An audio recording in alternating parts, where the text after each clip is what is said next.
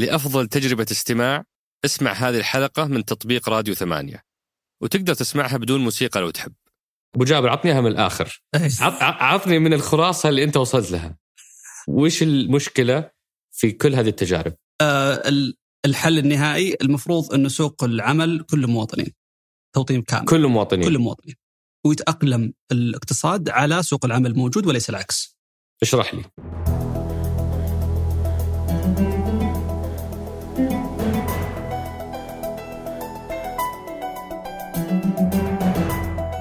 هذا سقراط من إذاعة ثمانية وأنا عمرو الجريسي أستضيف قادة التحول وقادة الأعمال وقادة الرأي وأسولف معهم عن مستجدات ومستهدفات رؤية السعودية 2030 ضيف حلقتنا اليوم هو محمد سعد آل جابر مختص بالاقتصاد وتحديدا في موضوع البطالة وعنده أطروحة مثيرة شوي في موضوع معالجة البطالة.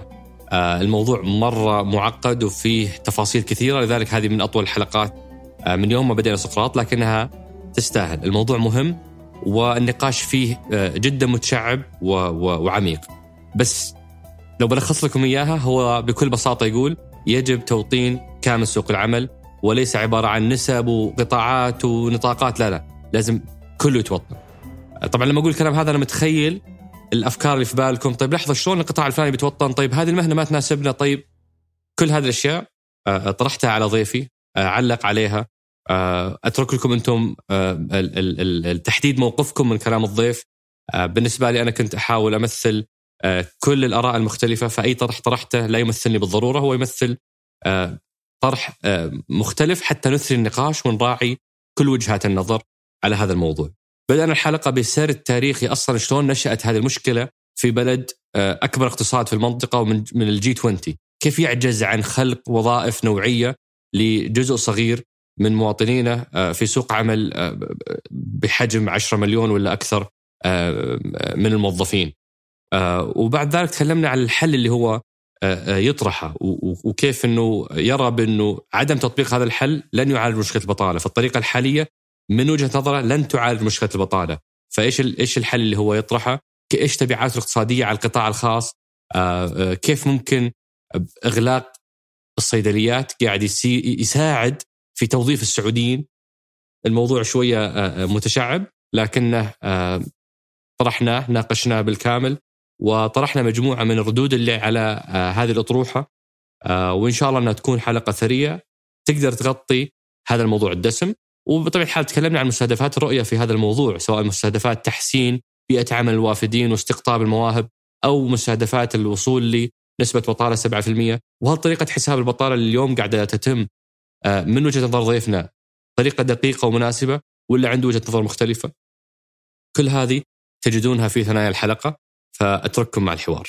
حياك الله أبو جابر شرفتنا ونورتنا. الله يسلمك يحييك أبو جابر أنت من ال ال ال القلة اللي لسه فعالين في تويتر.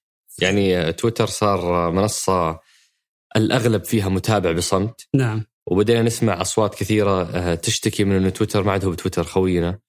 المحتوى فيه محتوى مقولب، الناس صارت حساسة، مم. يعني قبل كم يوم أشوف آه، رسام الكرتون عبد الله جابر آه، جابرتون منزل آه، كاريكاتير قديم. يقول هذا رسمته قبل خمس سنوات.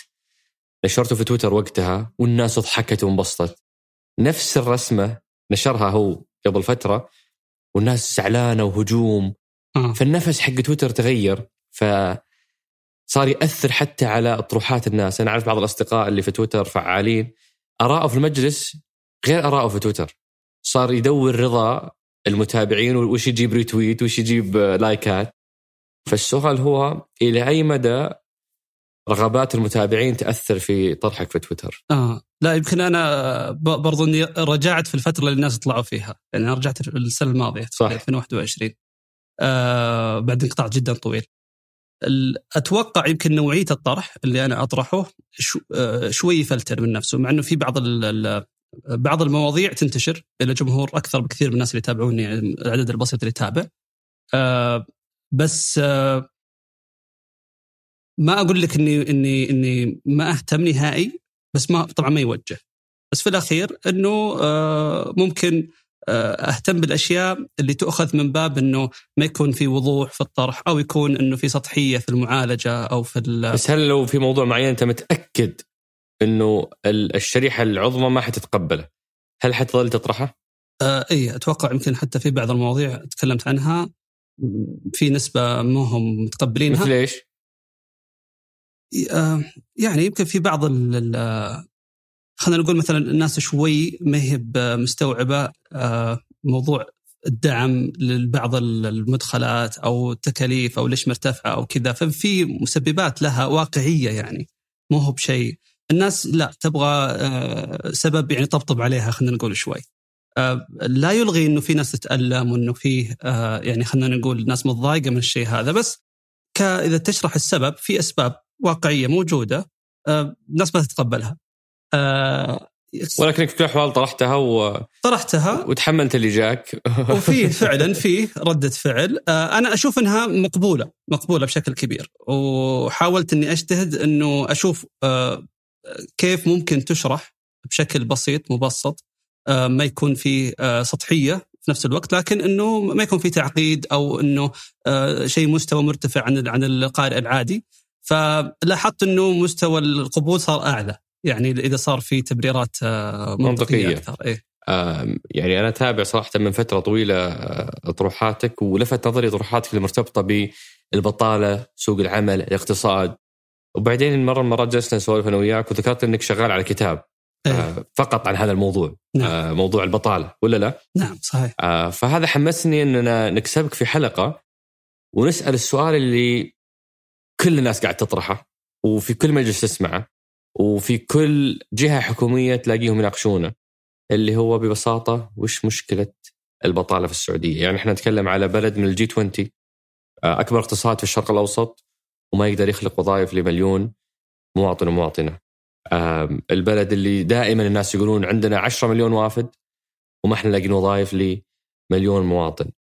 آه، البلد اللي مثلا في مجموعة تقول لك يا أخي الوافدين هذول نعمة وفروا لك خدمات بتكلفة أقل.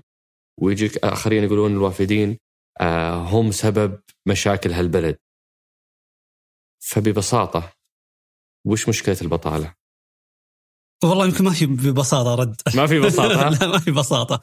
لأنه عطنا عطنا القصة التاريخية عطنا إيه السر. لو نرجع نشوف متى أول مرة طلعت البطالة كمشكلة في مع آه آه اللي هو الخطة الخمسية الثالثة اللي كانت 1980 يعني قبل لا نولد إنه أول مرة طلعت البطالة كمشكله الخطة الخمسية الأولى آه اللي هي طلعت عام 1970 آه وكانت المشكلة وقتها آه، للمفارقة إنه ما عندنا عدد كافي من العاملين سواء سعوديين أو غير سعوديين. كان الإشكالية إنه نصف القوى العاملة تشتغل في المزارع الخاصة وفي البادية. ومع ذلك كان السعوديين يشكلون 80% من القوى العاملة. نتكلم ما قبل الطفرة. الطفرة تقريبا 72 بدأت 73 فوقتها إنه الدولة كان عندها خطط تنموية وخاصة في الأشياء الأساسية نتكلم عن التعليم عن الصحة عن البنيه التحتية وحتى في في الجهاز الحكومي كإدارة يعني. فكانت الخطة الخمسية الأولى فقط تتكلم إنه كيف تنمية الاقتصاد آه، تنمية الاقتصاد بس أتكلم على الجانب آه، القوى العاملة العمل إيه؟ إنه كيف نقدر نستقطب المواطنين اللي في البادية أو في المزارع الخاصة إلى سوق العمل كيف نقدر ندرب الناس اللي ما عندهم أي تعليم؟ طبعا لما نتكلم أي تعليم حتى يعني أمية ما في قراءة وكتابه نعطيهم مهارات بسيطة عشان يدخلون سوق العمل. وبالإضافة إلى بعض الأهداف للتعليم عشان نصنع قادة آه، وناس يدخلون في قطاع التعليم والصحة وإلى غيره. فهذه الخطه الخمسية الأولى. وبرضه كان في آه، يعني ما كان في هدف إن إحنا نبغى نجيب عمالة مكملة. لكن آه، إنه كيف نقدر في بعض المستهدفات نجيب جهات خارجية قد تزود لنا القوى العاملة. المؤقتة اللي هو كان على شكل خاصة بعد الطفرة على شكل المقاولين أو الشركات الأجنبية في المقاولات. نتكلم عن الشركات الأمريكية كانت في البداية آه، بكتل في شركات فرنسية ألمانية إلى غيره. ثم بعد ذلك آه، بعد 74 دخلت الشركات الكورية بشكل كبير. آه، في في الخطة الخمسية الثانية تقريبا كنا على نفس الشيء لكن يمكن في فيها خلينا نقول مؤشرات لبداية المشكلة. اللي يرجع يقرأ الخطة الخمسية الثانية يبدأ يشوف كيف اللغة تغيرت. آه، الدولة في عام 1970 كان ايرادات النفط جدا منخفضة فكنا شوية منطقيين في في كيف آه، خطط التنمية. فالخطة الخطة الخمسية الثانية كانت تتكلم إنه آه، متفاجئين بالدخل المهول فعلا كان دخل مهول اللي جاء وإنه كيف إنه كل التحفظ اللي كان في الخطة الخمسية السابقة يعني كان مبالغ فيه ونحن نقدر آه، نزيد وتيرة التنمية عندنا وبعض الأشياء اللي كنا يعني متخوفين منها نقدر نتجاوزها بالصرف بشكل أكبر يعني. طبعا ليش أقول إن هي مصدر بداية المشكلة؟ لأنه كان بعدها توجه إنه ما في مشكلة استخدم عدد كبير من العاملين الأجانب آه، خاصة العمالة المؤقتة آه، لأنه نقدر نصرف على المواطنين يتعلمون تعليم أفضل وندخلهم بشكل كبير في القطاع الحكومي. آه، ولا حتى وقتها يعني عام 1970 ففي فلوس في مشاريع حكومية. أي. المواطنين الموجودين ما هم ما هم جاهزين ولا هو من حيث المهارة ولا ولا العدد إنهم ينفذون هالمشاريع.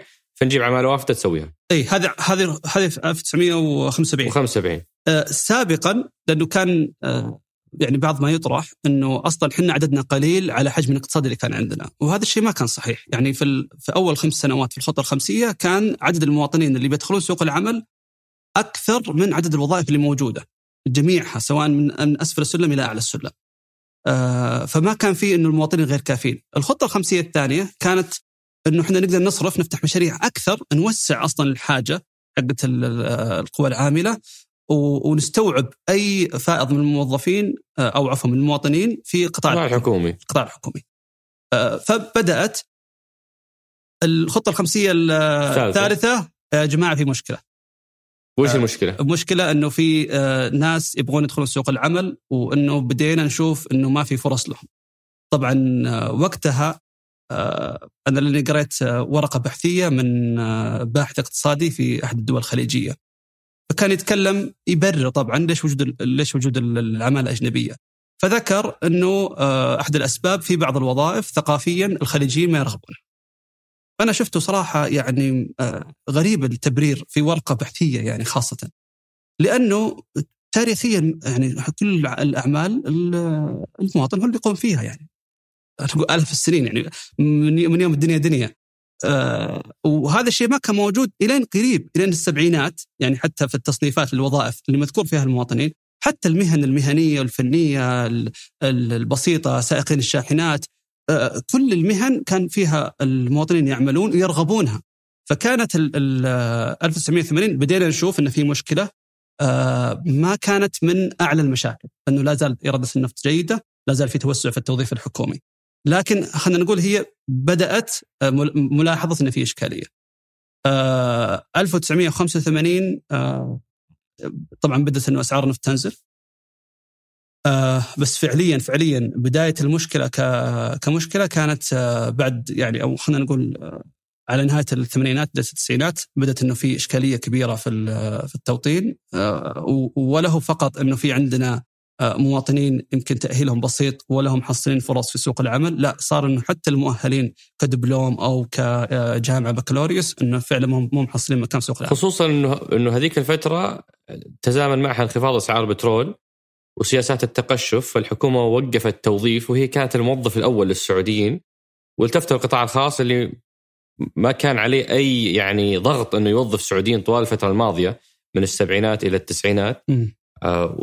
وأظن هنا انكشف إنه الموظف الرئيسي هو القطاع الحكومي وهذا الآن في فترة تقشف ما عنده مشاريع رأسمالية ولا عنده توسع في آه، التوظيف للسعوديين. وفي بعض الأقسام كان في فائض. يعني فعلا في فائض.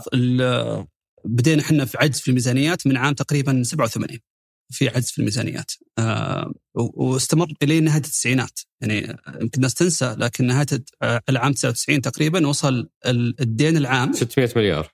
120% من الناتج المحلي. المحلي. يعني اللي هو النسبة اللي وصلت يمكن لبنان من فترة. فالناس ما تتخيل قديش كانت الظروف صعبة في هذيك الوقت.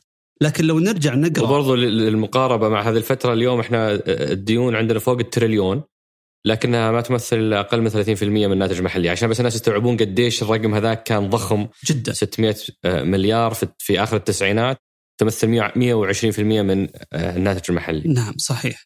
ف بس لو نرجع نقرأ بس كيف لغة التعامل آه، مع المشكلة في 1990 كان في آه، فعلا تشخيص إنه ليس فقط إنه القطاع الخاص غير قادر على استيعاب العدد مع إنه في كان ملايين من العماله آه، الإشكالية اللي صارت يمكن ما ذكرت نصا لكن تفهم من سياق الكلام إنه كأنه القطاع الخاص يعني بني في آخر 15 20 سنة على إنه يتناسب مع العمالة الرخيصة قليلة المهارات.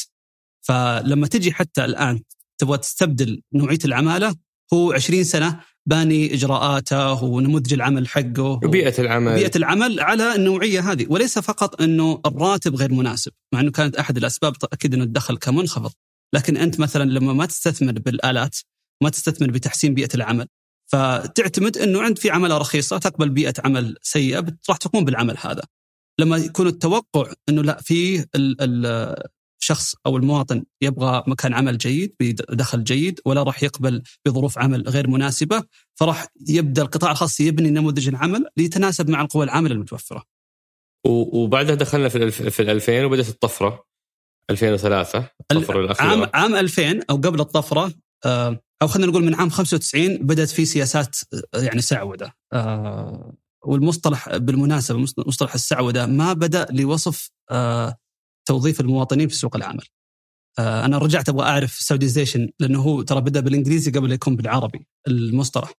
من فين جاء تاصيلا؟ رجع أنه تقريبا عام 1980 يوم بدأت الحكومة السعودية تتملك آه، أو أو تشتري حصص من في السبعينات من شركة أرامكو ليتم توطين الشركة آه، ظهر الوصف السعوديزيشن للعمل اللي تقوم فيه الحكومة بتوطين المؤسسات. بعدين اقتبس المصطلح هذا في الوظائف. في الوظائف.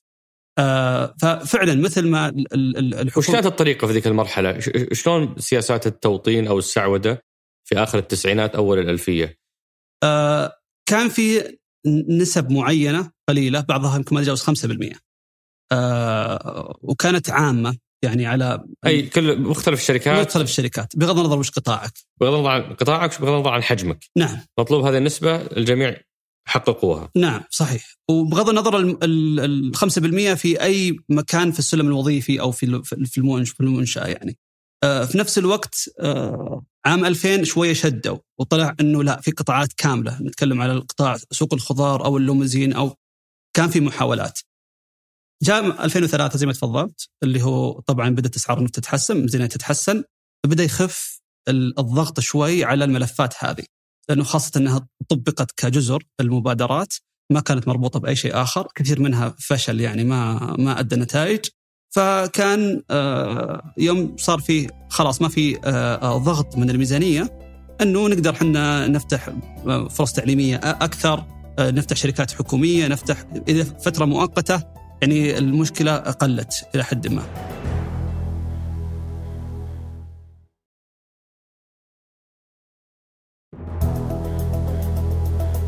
ألفين وخمسة لحظة تاريخية. تعرف إيش صار فيها؟ آه، بداية آه، غازي قصيب. اي غازي قصيبي مسك أنشئت وزارة للعمل أعتقد أو هي فصلت من قطاع آخر وصارت وزارة مستقلة ومسكها غازي القصيبي.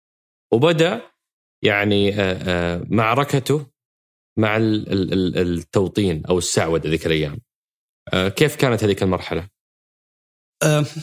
أتوقع هذيك المرحلة كان فيها وعي بالسياق التاريخي اللي كان فيه المبادرات. يعني كان فيه فكرة إنه آه، ما نقدر نحط فقط نسبة واحدة على جميع الشركات ثم بعدين ما يصير في تقنين للاستخدام.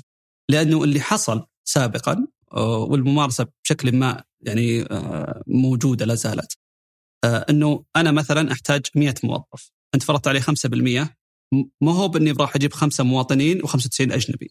راح أجيب 100 أجنبي ووظف الخمسة بس عشان آخذ ال 100 أجنبي. فالعمل أصلا راح يتم تنفيذه بالعمالة الأجنبية وهم فقط كأنه يشوفونها كتكلفة يعني هذا اللي صار.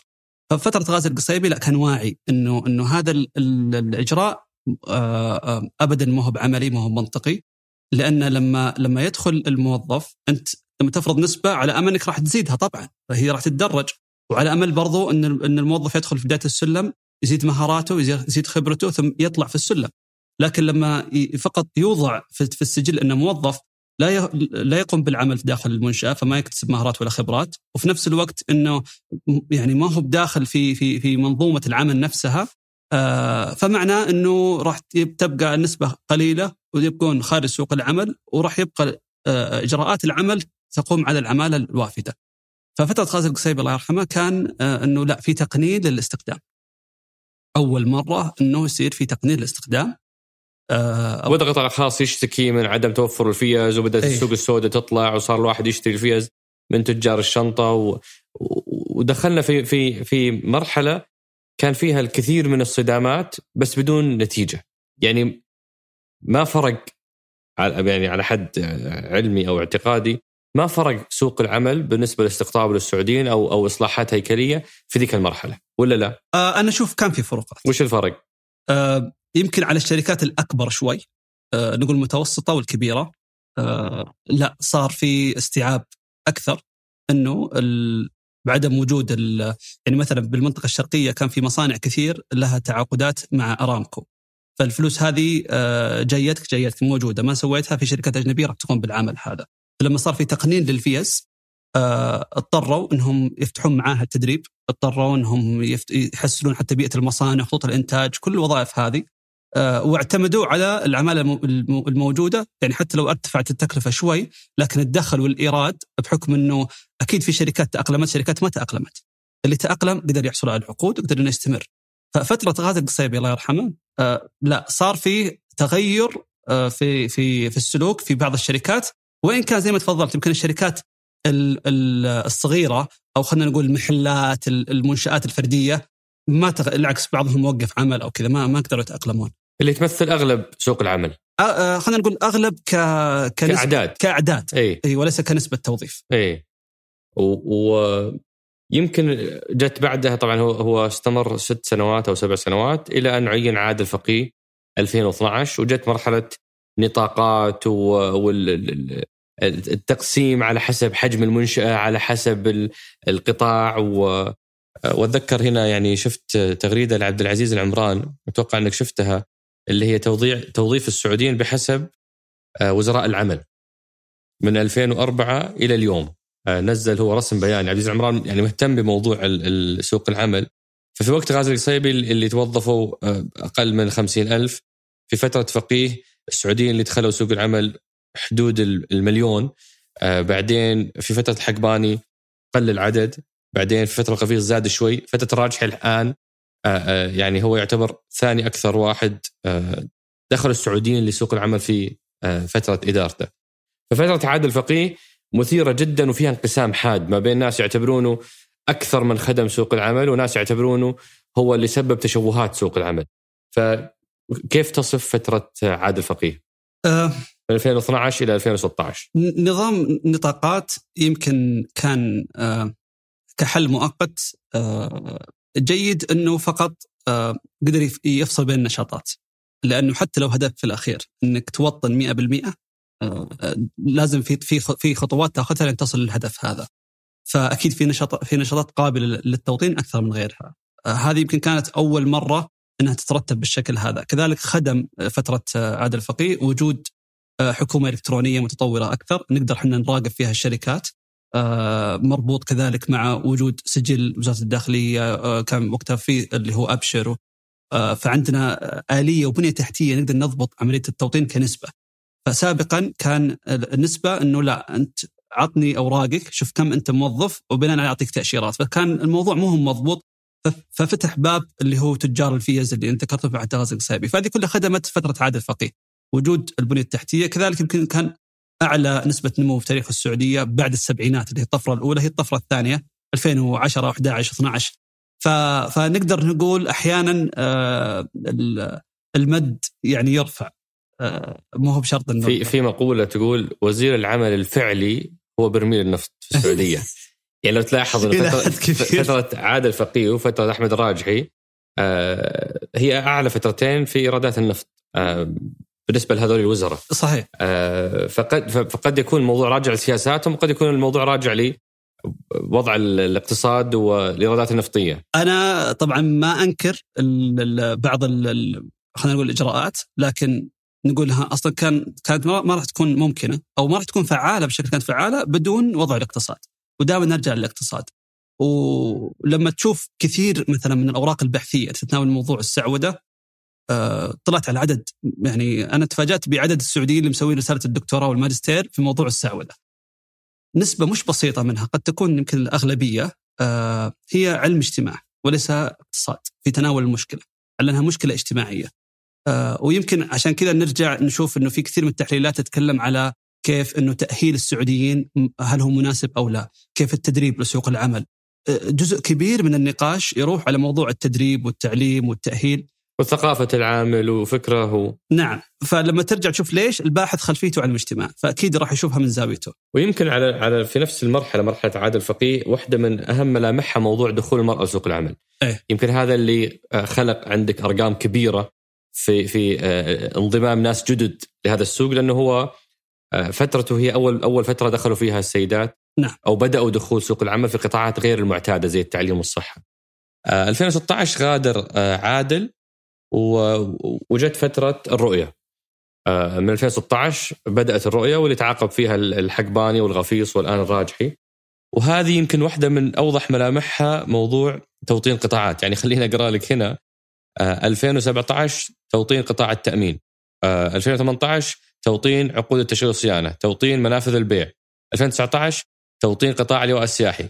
توطين الطب الأسنان. 2020 توطين مهن السلامة. توطين مهن الصيدلة. توطين مهنة اتصالات المعلومات توطين منافذ البيع في قطاع التجزئة والجملة توطين آه، الأشرطة الاقتصادية في حائل 2021 المهن الهندسية المهن القانونية التعليم الجمركي التعليم قيادة المركبات وبعد الضخم قطاع السينما المهن العقارية. 2022 المهن الصحية المختبرات والأشعة. آه، الأجهزة الطبية مهن التسويق الترجمة السكرتارية امناء المخزون مدن الملاهي والمراكز الترفيهية. فمرحلة الرؤية يمكن اللي هي من 2016 إلى اليوم في وضوح في في سمة إنها تستهدف قطاعات. تدخل على القطاع وتوطنه بالكامل أو توطنه جزئيا. ف وش رأيك في هالمرحلة بالنسبة للسياق التاريخي؟ هل عمقت المشكلة ولا قاعدة تحاول تحلها؟ آه طبعا اللي يشوف الأرقام آه كان فيه توجه إيجابي إنه أرقام خلينا نقول العمالة الأجنبية من 2016 إلى 2020 كانت تنزل. آه، يمكن بنسبة بسيطة لكن انه يعني في المقارنه بنمو كبير مجرد أصلا ثبات الرقم يعتبر إنه في آه، توجه إيجابي. بالإضافة إلى انه في توطين لا, لا ننسى إنها ترى النقطتين مرتبطة مع بعض لأنها المشكلة هي اقتصادية ليس فقط إحنا نبغى نوطن بس. ف بدأ فعلا في أعداد أفضل. الأرقام ما كانت كبيرة زي الفترة السابقة ونرجع نقول إنه قد يكون في سياق اقتصادي الموضوع لأنه أكيد 2016 2020 ما كان آه، آه، إيرادات والصرف مقارنة بالسابق على نفس المستوى.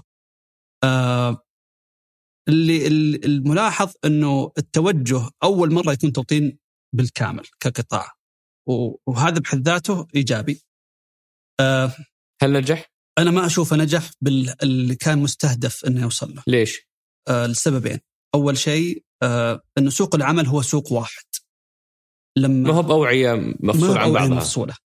فاللي يصير مثلا لما ترفع نسبة التوطين أو توطن بالكامل قطاع التأمين أو البنوك أو الاتصالات ترفع النسبة إلى 90% 95% تقريبا كأنه موطن بالكامل. وتتفاجأ على أرض الواقع اللي في السوق يعني تشوف إنه في أعداد كبيرة من الوافدين يشغلون في الشركات هذه.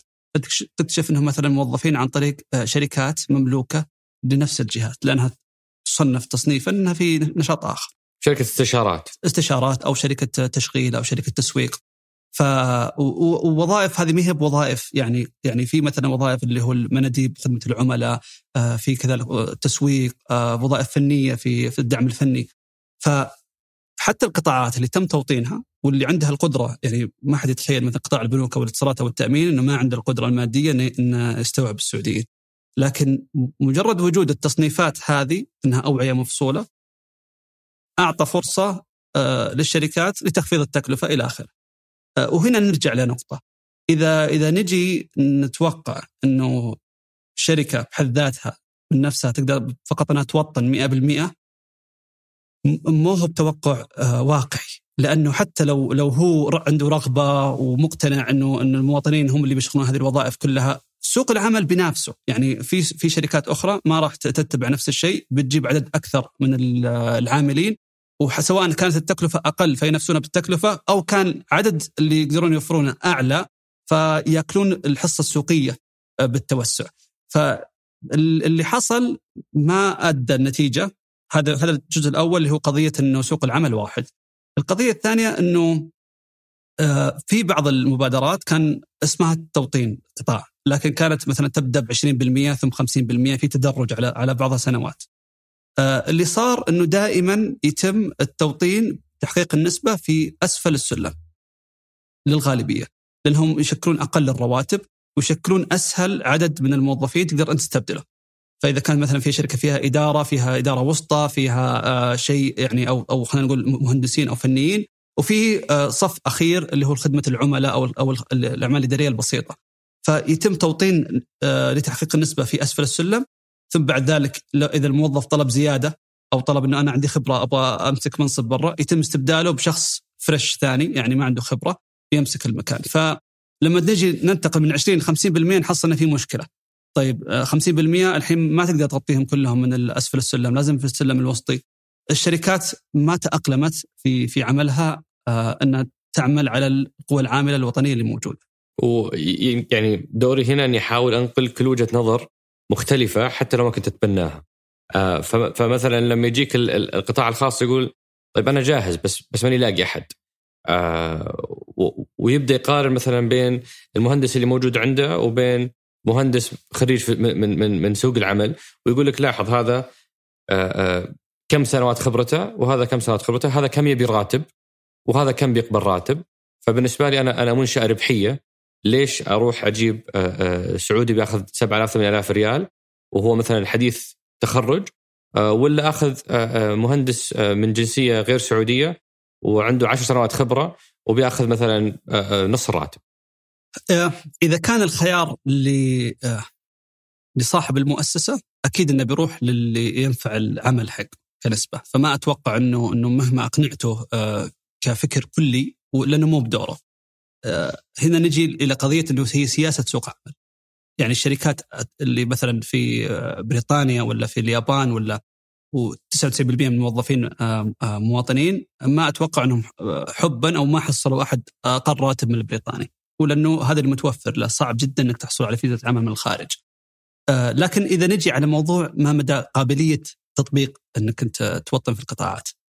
بس قبل ما أوصل لها بس الحين عشان ألم الخلاصة من هذا السياق التاريخي، إحنا اليوم عندنا رحلة من عام 1975 بداية جذور المشكلة. آه، محاولات مختلفة بأساليب مختلفة في حكومات متعاقبة والنتيجة هي اليوم إنه آه، عندنا نسبة بطاله 11% و... و... وعندنا قطاعات تم توطينها. بعدين لما تروح تشوف مثلا توطين قطاع الخضار أو سوق الخضار تروح تلاقي ما في مواطنين. نعم. آه توطين مهن آه الأجرة. تروح ما تلاقي مواطنين فيها. آه توطين مهن الاتصالات. حتلاقي انه انه إنه فعلا في خلف الكاونتر سعودي بس اللي واقف عند باب المحل آه, آه، وافد هو اللي قاعد يدير ويخلص آه، كل الأمور. أو إنه المجمع كله فجأة ينكمش ويختفي. آه، مجمع كان فيه 50 آه، 60 محل بعد التوطين ذابت كلها. واللي كان موظف سعودي كبس يعني توطين نسبة توطين اليوم قفل محله ولا عاد فيه السعودي ولا ولا عاد فيه الوافد فواضح إنه فيه سياق تاريخي ما هو قاعد يعالج المشكلة، المشكلة اليوم ما هي قاعدة تنحل، فبعد هذا السياق وين المشكلة؟ وإيش الحل اللي لم يجرب؟ أه إذا شفنا مثلا أبو جابر عطنيها من الآخر عطني من الخلاصة اللي أنت وصلت لها وش المشكلة في كل هذه التجارب؟ أه الحل النهائي المفروض انه سوق العمل كله مواطنين توطين كامل. كل مواطنين. كل مواطنين. ويتأقلم الاقتصاد على سوق العمل موجود وليس العكس. اشرح لي. ممتاز. طبعا آه، إذا جينا على موضوع التطبيق أو كيف الآلية في الواقع له نقاش ولكن نتكلم لو نرجع شوي. آه، لو كان سوق العمل كله مواطنين آه، الشركات أصلا يا منها تقدر تتأقلم مع المواطن فإذا مو هو مدرب تقدر تدربه. وهذا الشيء اللي مثلا صار في شركات أخرى. إذا إذا شافت إنه مثلا المواطن ما يقبل بعمل معين فتحاول بتغير إجراءات العمل وهذا اللي يصير في أي سوق. فأكيد مثلا آه، آه، لو نشوف كيف آه، بعض الأعمال تتم عندنا وفي مكان آخر اللي اللي اللي مستوى الرواتب فيه أعلى أو التوقعات أفضل نحصل فيه استخدام أكثر للأتمتة نحصل بيئة العمل فيه اهتمام أعلى قضية التدريب الأمن والسلامة كل الأمور هذه ما يعني ما تمت خلينا نقول من أخلاقيات عالية. لا لأنه واقع. أنت إذا ما قدرت تستقطب كفاءات ما تقدر تستقطب عاملين يقومون بالعمل غيرك بيقدر وهو اللي بيأخذ آه، خلينا نقول ال الأرباح والسوق اللي موجود. فكحل اللي جالس يصير. مثلا إحنا نوطن قطاع. طيب اللي كانوا يشتغلون في القطاع هذا سابقا من الأجانب هل طلعوا؟ هل مثلا تأشيرة العمل آه، اللي جاء بناء عليها مرتبطة بالوظيفة اللي يشغلها بالتالي لما تم توطينها المفروض إنه خلاص انتهت إقامته يطلع. وش الأرقام تقول؟ ما ي... لا ينقل إلى عمل آخر. هذا افتراض ولا عندك لا لا بيانات؟ لا لا موجود وش الدليل؟ لأنه 6 مليون اللي كانوا موجودين عام 2016 2020 هم موجودين مع كل البرامج التوطين اللي موجودة. تقريبا الرقم صحيح أنه نقول انه في إيجابية أنه ما أرتفع. أظن آخر تحديث 6 مليون فاصل 6 اي 6 مليون 600 ألف. فهو فعليا زاد. من من 20 إلى اليوم رجع. رجع يزيد. رجع يزيد. أوكي. آه ونقدر نشوفه حتى مع تحويلات الأجانب. يعني الرقم القياسي كان 156 مليار ريال في في 2015 ثم بعدين من 2016 بدأ ينزل. ينزل ينزل إلى 2020 بعدين 2021 بدأ 153 مليار. الحين آه، السنة هذه متوقع بناء على الربع الأول إحنا نصير أعلى من أعلى سنة. 2021 كانت 153 مليار ريال تحويلات الغير نعم السعوديين للخارج. إيه. واللي هي أقرب رقم لما قبل الرؤية. اي اللي هو 2015 اللي 156 156 2021 2022 متوقع إن نتجاوز هذا الرقم. نتجاوز. فمعناته المشكلة رجعت. رجعنا. آه طيب كل هذه الجهود يفترض أنها كانت تؤدي إلى أنك أنت تعالج الموضوع. ليش قاعدين نرجع ل لنقطة الصفر؟ لأنه لازلنا نفترض أنه أنا فقط عندي مواطنين عاطلين أبغى أوظفهم آه، وليس أن سوق العمل أن وجود 75% من القوى العاملة في القطاع الخاص. أجانب أنها مشكلة بحد ذاتها. طيب خليني أقول لك رأي آه، وزير الموارد البشرية أحمد الراجحي. في مقابلة له في 2018 سئل عن ليش أنت غيرت قرار التوطين 100% من بعض القطاعات إلى 70% فكانت إجابته آه، نسبة 100% تضر الشاب السعودي لأنها تحرمه من الانتقال التدريجي للخبرة والمعرفة اللي اليوم موجوده عند عند الغير السعوديين اللي قاعدين يديرون هذه الأنشطة. فالأفضل إنها تكون 70% حتى نتيح فترة لانتقال هالخبره والمعرفة وبعدين نوصلها 100%. فايش رأيك؟ بيئة العمل في أرض الواقع ما تدعم ليش؟ نظريا يقال صحيح لأنه لا تزال أغلب الأعمال إجراءاتها بدائية. آه، وقائمه على على وفرة من العمالة اللي اللي مهاراتهم منخفضة. ولا تزال لو تلاحظ آه، إنه يعني لما نقول أجانب ليس إنه والله الشركة فيها 30 جنسية. لا في الغالب إنه الشركة بالنسبة عظمى تدار من جنسية واحدة. ففي خلينا نقول آه نادي مغلق ويحسون إن النشاط هذا خاص فيهم وأي سعودي هو عبارة عن تكلفة. فمهما جلس معاهم ما راح تنتقل الخبرة بالإضافة أنه دائما يوظفون لتحقيق النسبة في أسفل السلم فما هم متمكنين من القطاع. في جانب آخر لنفرض أنه الآن تم مثلا فرض 20% أو 30% في قطاع معين وفي شركتين ففي شركة آه، بنفس المثال اللي أنا ذكرته فتم التوظيف في أسفل السلم الخدمات العملاء الصف الأسفل ولا في آه، آه، مواطنين في في في أعلى الشركة. بالمقابل في شركة أخرى تبغى تشتغل بوجود مواطنين 100%. اللي اللي بيصير إنه الشركة اللي بتشتغل مواطنين 100% عشان تأخذ الخبرة من أعلى السلم إلى أسفل السلم في مرحلة زمنية زمنية معينة وفي خبرة واقعية لازم تأخذها. بوجود عشرات مئات من الشركات الأخرى في السوق ما أصلا تتاح لها الفرصة إنها تاخذ هالخبرة.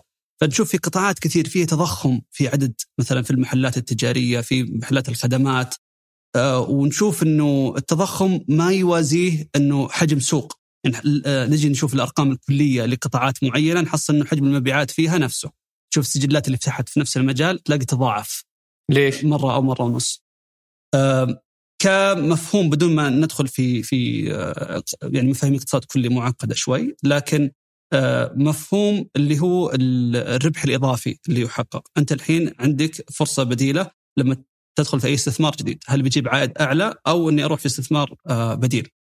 لما يكون آه القطع صعبتها أبو جابر. آه صعبتها. اي خل نبسطها عطنا مثال البقالات أنت بتقول البقالات ولا الصيدليات يعني في آه تجزئة بشكل عام بس نقول صيدليات مثل محلات العطور آه البقالات. اشرح لي إياها ب... بمثال مبسط بالأرقام. جميل. مثلا ناخذ الصيدليات أنت اضطريته و... وانت مضريهم قبلي. أنت حاط تغريدة أو سلسلة تغريدات رهيبة للي اللي ما شافها يدخل حساب أبو جابر ويشوفها في المفضلة. عن صورة صيدليتين متنافستين موجودين جنب بعض في نفس الشارع ودائما عند الناس تساؤل عن انتشار الصيدليات بهذه الكثافة آه، الغير معهودة في في أماكن ثانية. فأنت شرحتها بمنطق له علاقة بهالنقطة صح؟ نعم لو, لو, لو تبسطها لنا بالأرقام. جميل يعني نقول إنه في حي معين نظريا مبيعات الحي من خدمات الصيدليات نفرض إنه مليون ريال. فممكن إنه في صيدليتين تفتح وبشركتين مختلفة ويتقاسمون السوق نفترض انها 50 50 هذا الإيراد كافي لهم ومربح وخدموا الحي وقدموا الخدمة المطلوبة منهم. لكن لما يكون آه، ما في حد معين من توفر الصيادلة اللي يشتغلون في الصيدلية والشر فيجي يفتح محل ثالث ورابع وخامس إلى عشرة محلات. بحكم إن في هامش عالي على على البضاعة نفسها آه، التكاليف اللي تدفع كتكاليف تشغيلية تقدر أنك تطلع منها أرباح إذا كان راتب الصيدلي منخفض. لما يزيد الطلب على الصيادلة الرواتب ما ترتفع. ليش؟ لأنه أنت جالس تجيب من خارج سوق العمل، أنت جالس تجيب من دول أخرى وعدد ضخم. اللي يصير اللي مثلا يحكم العدد إنه ليش نشوف في منطقية أكثر في وجود المحلات التجزئة في الدول اللي عملتها مرتفعة، لأن لما تجي تفتح الصيدليه الثالثه راح تستقطب صيدلي ثالث آه عليه فراح يكون أعلى تكلفة عليهم. فلما يجي الرابع أو الخامس مع كل صيدلية إضافية راح يقل هامش الربح ويرتفع تكلفة الصيدلي إلى ما عاد تصير توفي. فتصير إنه تنخفض العدد بما يتناسب مع السوق. طبعا أصحاب الصيدليات نفسهم ربحيتهم أعلى من آه، سوق ما في إلا صيدليتين لو كان راتب الصيدلي ثلاثة أضعاف لو كان عشر صيدليات في نفس الحي. لأنه مبيعات الفرع الواحد بتصير أعلى بمقابل إنه في ثبات في تكلفة الإيجار والكهرباء إلى آخره. فتكلفة الموظف نفسه ما تشكل نسبة كبيرة. فيتوسع يفتح فروع كثيرة لأنه بالنسبة له أهم عنصر اللي هو الراتب متدني جدا متدني. يخارج معاه مهما كانت مبيعاتهم منخفضة. ولا في حد طبيعي. يعني في عدد محدود نظريا من الخريجين في في في قطاع الصيدلة. طبعا تخصص له متطلبات وله سنوات دراسة. فالطالب ما راح يدخل لما يتوقع راتب معين. لما يزيد العدد بشكل عالي بدون ما تزيد الراتب راح تقل أعداد الطلاب اللي بيدخلون هالتخصص فبالتالي بيصير في توازن في السوق. اللي يصير في خلل في المعادلة عندنا. فالصيدليين اللي موجودين مو هم هم فقط سوق العمل متاح. نروح نشوف في دول أخرى. اللي يصير على أرض الواقع إنه حتى لو مثلا فرضت نسبة الآن آه، في آه، نفترض إنه في 30% هو كان في برنامج آه، إلى توطين القطاع بالكامل وخفضت النسبة ما ما ما تم يعني تنفيذها بنفس الخطة. آه فلو نفترض إنه في مثلا 7000 صيدلي سعودي. لو جينا درسنا نشوف السوق كم يحتاج تقريبا بيحتاج العدد من الصيدله اللي متوفر أصلا. لو في نقص بسيط بتزيد رواتب الصيدليين اللي موجودين بيصير القطاع جذاب انه الطلاب يدخلونه فراح تزيد أعداد الطلاب بما يتوازن يعني. آه نشوف على أرض الواقع لا في أعداد صيادلة عدد الصيدليات أعلى من عدد الصيادلة فالمفترض انه رواتبهم ترتفع رواتبهم منخفضة جدا وغير كذا ما في أي أمن وظيفي لهم لأنه آه ما لهم ندرة في السوق ببساطة إذا ما هو ماخذ الوظيفة في غيره راح ياخذ الوظيفة آه لأنه هو فقط يحقق نسبة معينة ويقدر يوظف صيدليين من برا السوق.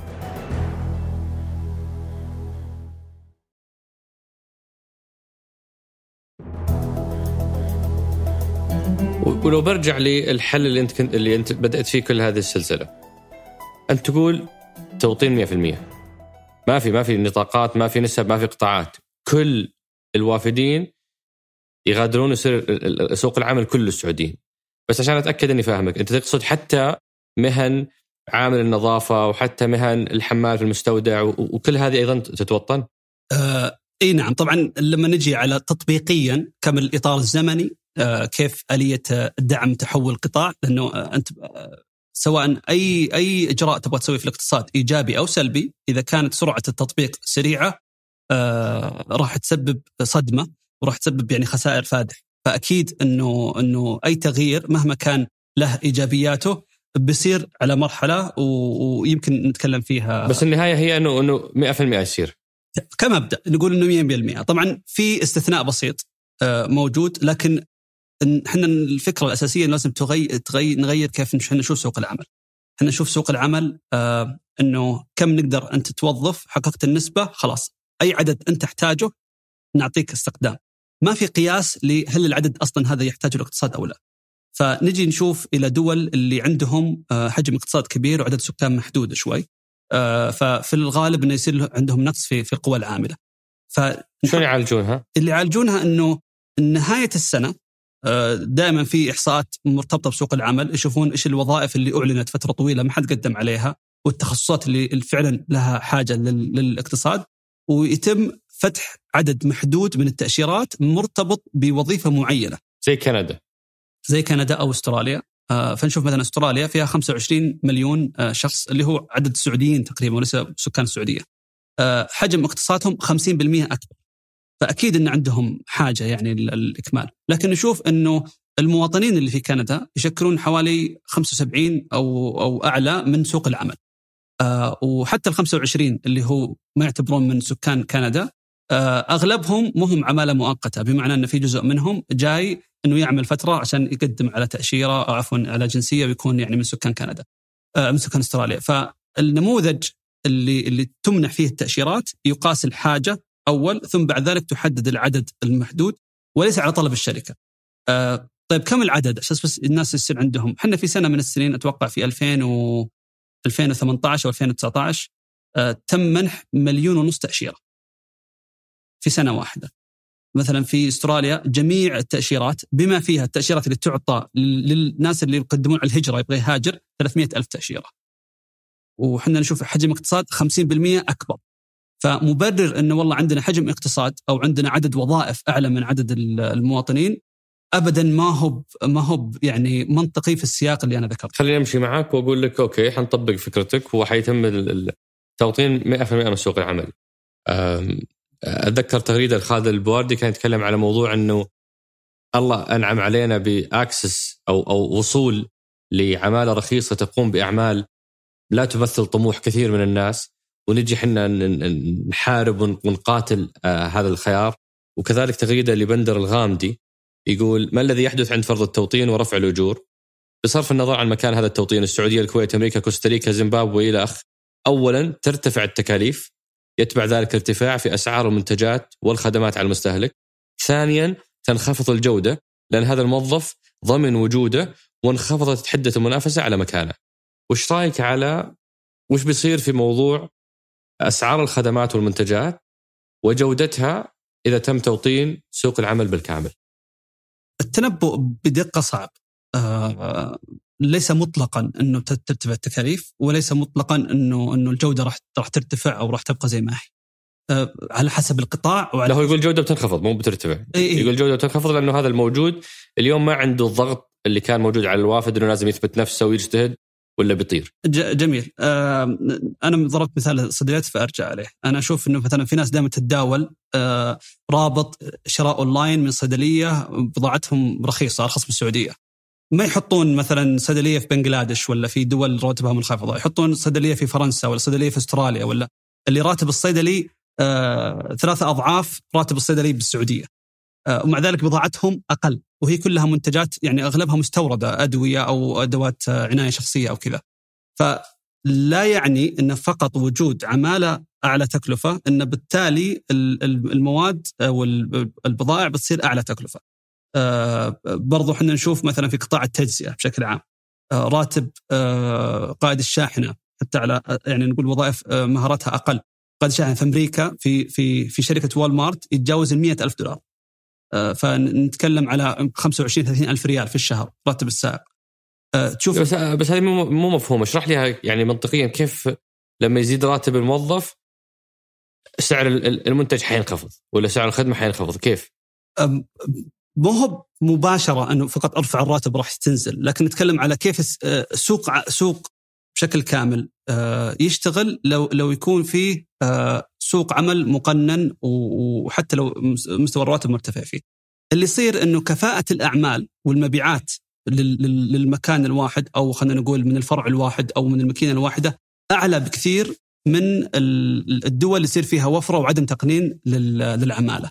فنجي نشوف إنه المبيعات تقاس طبعا على حسب بالفرع أو أحيانا بالمتر المربع اختلاف أحجام الفروع.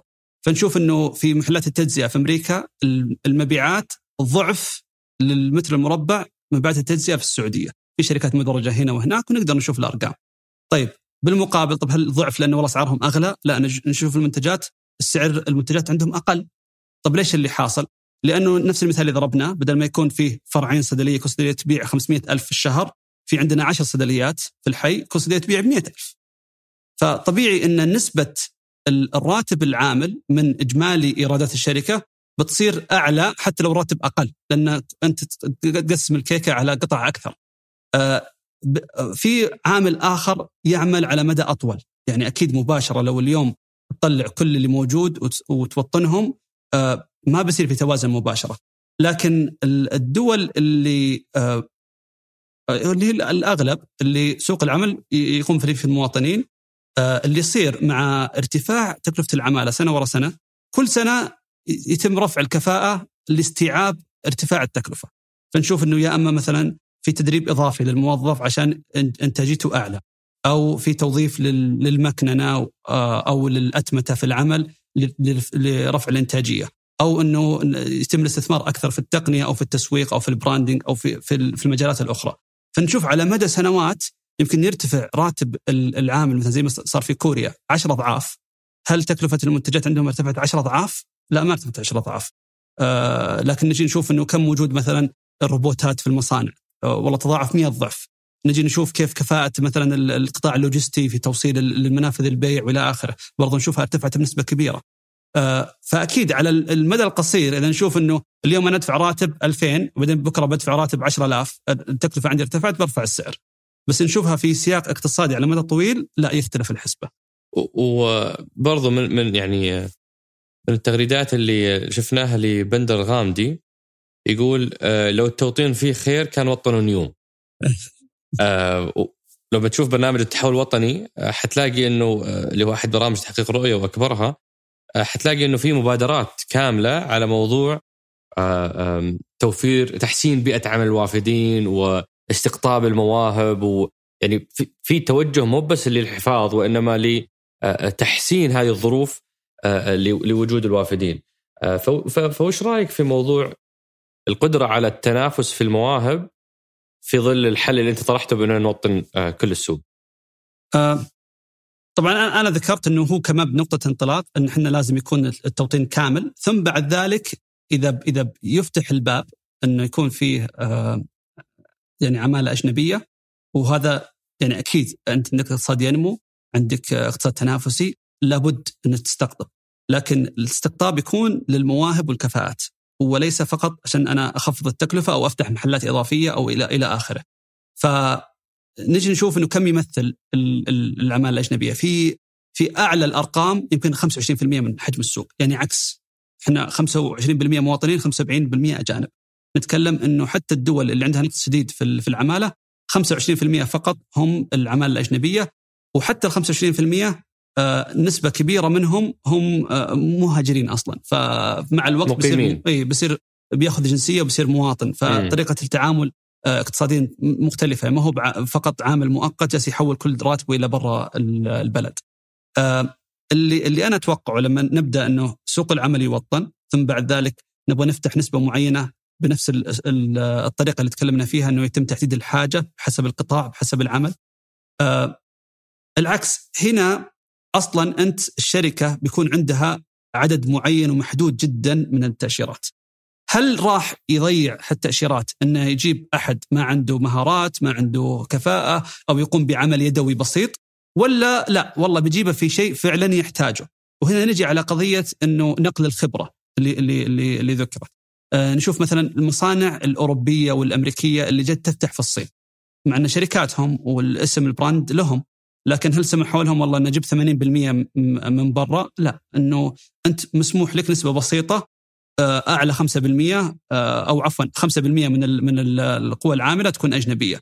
طيب وش اللي يصير؟ اللي يصير أكيد راح يجيبون المهندسين والناس الفنيين واللي عندهم خبرة عالية آه، لينقلون الخبرة للأغلبية اللي هم موجودين في الشركة اللي هم راح يبقون.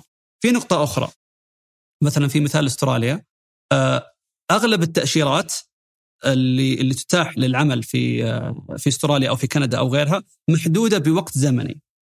بمعنى إنه لها مثلا مدة أربع سنوات أو مدة سنتين أو مدة ست سنوات. إذا انتهت المدة العامل يغادر أو إنه يغير المسار إلى مسار الإقامة الدائمة أو الهجرة. آه، اللي يصير الشركة تدري إنه العامل أو الموظف هذا مو عندهم فترة طويلة فأكيد أول ما يجي غير إنهم جابوا شخص موهوب وعنده مهارات عالية راح يضغطون عليه إنه ينقل الخبره للمواطنين. يعني إحنا نشوف الحين يقول لك والله آه، مع إنه في بعض القطاعات تكلفة الأجانب أعلى من تكلفة المواطنين. مثل؟ آه يمكن آه ك في قطاعات زي الاتصالات في قطاعات زي بعض الخدمات اللي مع القطاع المالي أو كذا تكلفة الأجانب أعلى من تكلفة السعودي مش أقل. طيب ليش إنه في حرص على توظيف؟ أو حتى في قطاعات ثانية يعني بشكل عام فيها وظائف كثيرة الأجنبي آه، أقل تكلفة. آه، لكن في بعض الوظائف داخل المنشأة يعني محاسب عام أو مدير عام أو مدير تشغيل راتبه أعلى من لو تجيب سعودي مكانه. لكن الهدف أنه هو يستقطب هنا أجنبي ليس الكفاءة وليس أنه الراتب أقل لكن الهدف أنه راح يجلس معي ما راح يطلع. فوالله هذا له معي 10 سنين 20 سنة 30 سنة بينما السعودي يمكن يجي عرض أفضل ويطلع. فحرية التنقل تخليه حتى لو راتبه أقل مو هو بجذاب بالنسبة له. في المقابل لو كانت التأشيرة مربوطة في فترة زمنية راح ما راح يكون الميزة هذه متوفرة أصلا. فراح أجي أستقطب أنا بكفاءة عالية وراح يكون عندي قبل لا يجي أصلا في برنامج تدريبي لنقل الخبرة وتوطينها في في الموظفين وحتى الأشياء اللي ما أقدر اقولها الأشخاص بحد ذاتهم راح راح أضمن إنه عمل يصير مؤسسي أكثر. لتبقى المعرفة في المنشأة وليس في الأفراد. أنا ما زلت أحاول أتحدى الفكرة حقتك حتى أغطي كل النقاط اللي ممكن تجي على بال أحد من من المشاهدين ولا المستمعين. آه ف موضوع ال ال ال اليوم مثلا نشوف حتى لما تتوطن مهنة كاشير ولا ولا ولا مسؤولة مبيعات في محل ولا شيء زي ولا ولا معرض تلاقي ناس تقول يا أخي هذا مو طموحنا، إحنا نبغى السعوديين في المناصب القيادية، فأنت الآن تجي تقول حتى عامل النظافة اللي قاعد ينظف الشارع ما هو تقليلا من من دوره آه، لكن أقصد إنها بالنسبة لكثيرين ليست طموح وغير مقبولة بالنسبة له. ولا ولا الشخص اللي مثلا بينظف الكافي شوب يعني مثلا الباريستا اليوم تلاقي ممكن تلاقي مثلا فيها سعوديين. بس حتلاقي وراه واحد هو اللي قاعد ينظف المواعين هو اللي قاعد ينظف أرضية المحل. فكيف تتعامل مع حتى هذه المهن أنت أيضا تبغى تفطنها؟ اي هو طبعا تحدي دائم عشان يكون في شوية إحراج إنه كيف الوظيفة هذه تقول تخلي وظائف، إحنا ما نخلي وظائف، إحنا قلنا 100%. آه لكن في بعض الوظائف الهدف لما ما أقول أبغى أوطنها، أقول إني أمنع الاستخدام فيها، ليس إنه أخلق وظائف للمواطنين. أجل شلون؟ أنا أحل مشكلة اقتصادية. الآن مثلا في في السعودية تقريبا بين 80 إلى 100 ألف عامل شغلتهم بس يعبون سيارة بنزين. 100 ألف عامل 100 ألف عامل شغلتهم يعبون سيارة بنزين فلما أجي أنا أقول أمنع الاستخدام على محطات البنزين مثلا هدفي مو بإني أوظف مئة ألف سعودي يعبون بنزين. لكن أنا المئة ألف لا يضيفون للاقتصاد شيء وفي أعباء كثيرة تحملها الدولة بشكل عام والاقتصاد كذلك من وجودهم. أنا أبغى أتخلص من المشكلة هذه وأحسن بيئة العمل وكفاءة العمل. اللي بيصير أنه مئة ألف عامل راح يطلعون راح تضطر الشركات طبعا ما يقدر بيوظف سعودي بيقوم بنفس العمل فبيضطر إنه بيركب مكائن ضخ آلية مثلا آه، ودفع إلكتروني في نفس الآلة وهذا الحل موجود نحصله من الثمانينات متوفر في دول واجد عشرات الدول موجودة وكل أي أحد سافر يحصل الخيار هذا موجود. آه، طب ليش ما طبق الآن وهو أوفر على الشركة؟ لأنه لما تصير ال ال ال السياسة محدودة في الشركة وليس في سوق العمل بشكل عام افرض إنه في محطتين على نفس الشارع. محطة جابت الآلات التعبئة الذاتية في محطة ثانية قالوا لا عندنا بنفس الطريقة عمال إحنا ندفع تكاليف رواتب أعلى لكن اللي يصير إنه الأغلب يبغى الخيار الأكثر راحة. فبتوجه للمحطة اللي فيها عامل يعبي له آه والمحطة الثانية اللي استثمروا في المكان الاليه راح تخسر. لكن لما تكون سياسة عامة على الجميع الدولة ما تسمح لك الاستخدام اذا عندك نشاط محطات فبيضطرنا نجيب الآلة. ولإدارة الأمور الأخرى بعدد أقل بكثير ما هو 100000 يمكن في كل محطة بدل ما يكون في 15 20 أجنبي بيكون في شخص واحد أو شخصين اللي هو مدير أو مشرف على على الفرع بيكون داخل إي داخل المحطة زي عمل الكاشير وهذا اللي اللي إحنا نشوفه يعني في الدول اللي دخلها مرتفع. هذه من جهة، من جهة أخرى إذا جينا على مثلا زي العمالة نظافة الشوارع الشوارع أو كذا. آه، نجي نشوف إن في إجراءات عندنا في التنظيف بنسبة عالية بدائية جدا. يعني ممكن تلاقي لك 20 30 عامل في شارع واحد بالمكنسة اللي يكنسون فيها يعني البيوت جالس يكنس فيها الشارع. مع إنه في آلات وفي سيارات تغسل الشوارع وكذا ما هي موجودة. طب هل عدم وجودها إنه ما عندنا رأس المال إحنا نشتري؟ لا الحمد لله. يعني إحنا كدولة ما عندنا مشكلة في لا في رؤوس الأموال أو في توفر ال ال آه، نقول العملة. لكن اللي يحصل إنه هو الخيار الأسهل والمتوفر اللي تعودنا عليه ولا صار في ضغط من من من واقع العمل أن تغير الشركة إجراءها. فاكيد ما راح عندي والله 200 ألف 300 ألف عامل نظافة ما راح يستبدلون ب 300 ألف سعودي. آه بس لما آه نضطر نحن نغير طريقة عمل الشركات هذه راح يكون في إدخال للآلات بشكل أكثر. وأنا أشوف فيه حتى تعديلات على السلوك اللي موجود أصلا.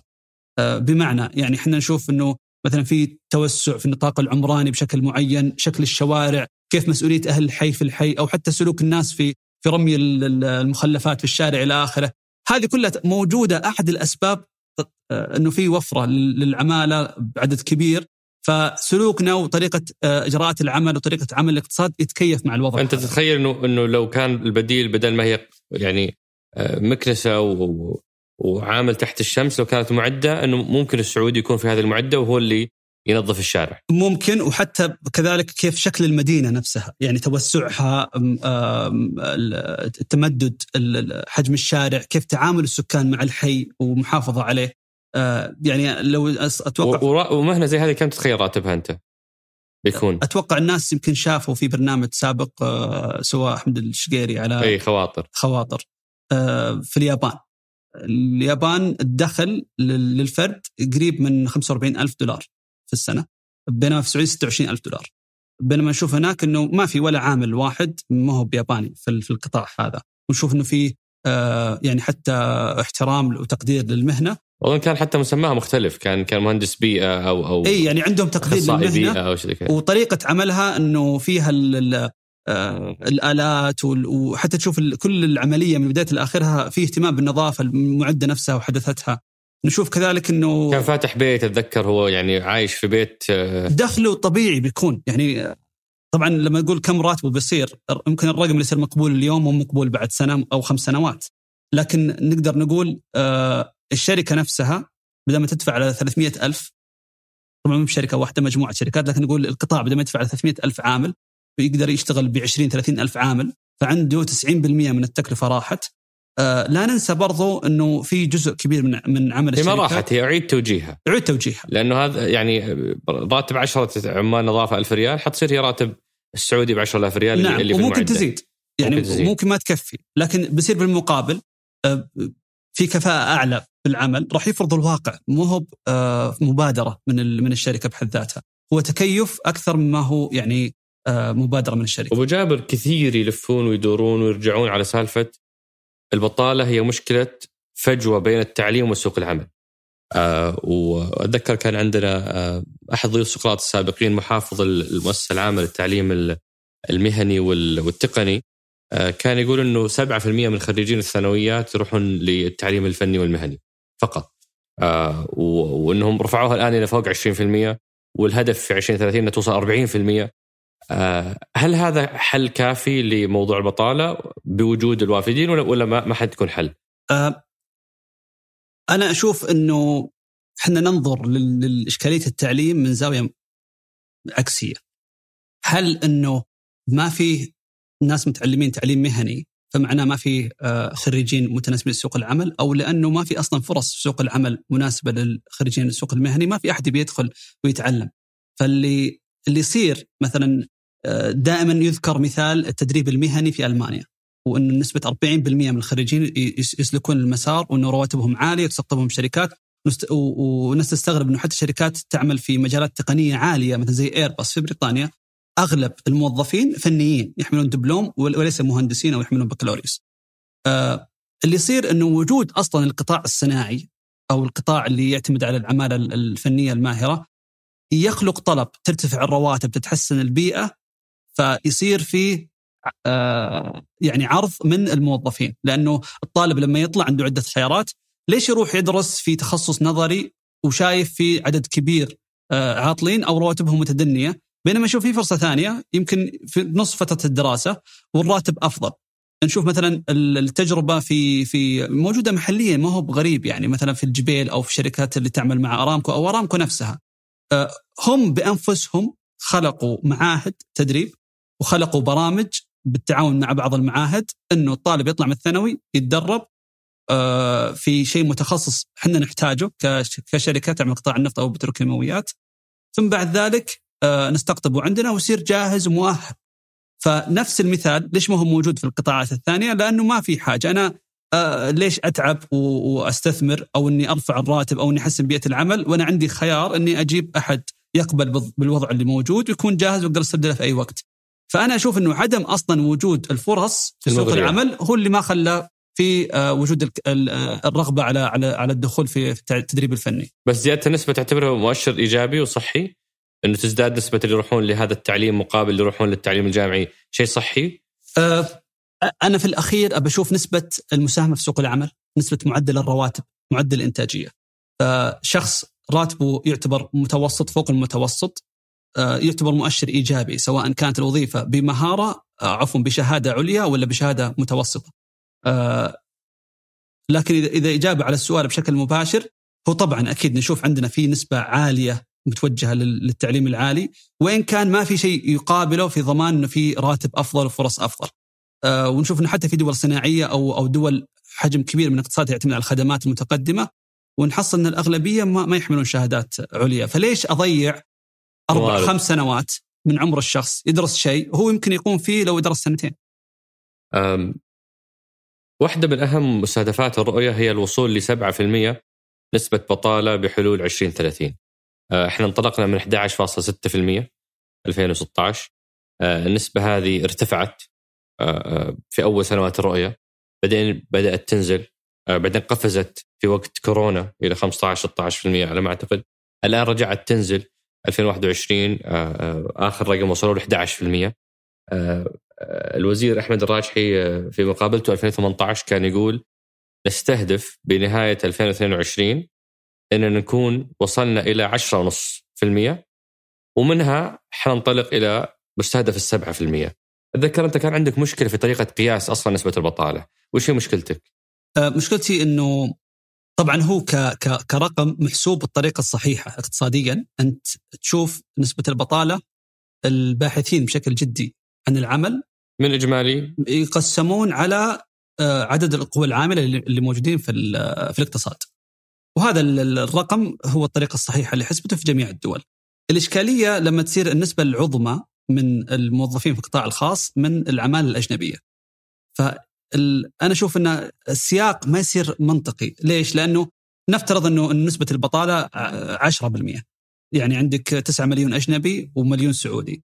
طب تبغى تخفض النسبة، لو جبت مليون أجنبي ولا توظف ولا سعودي واحد أنت كبرت البسط يعني. عفوا كبرت المقام.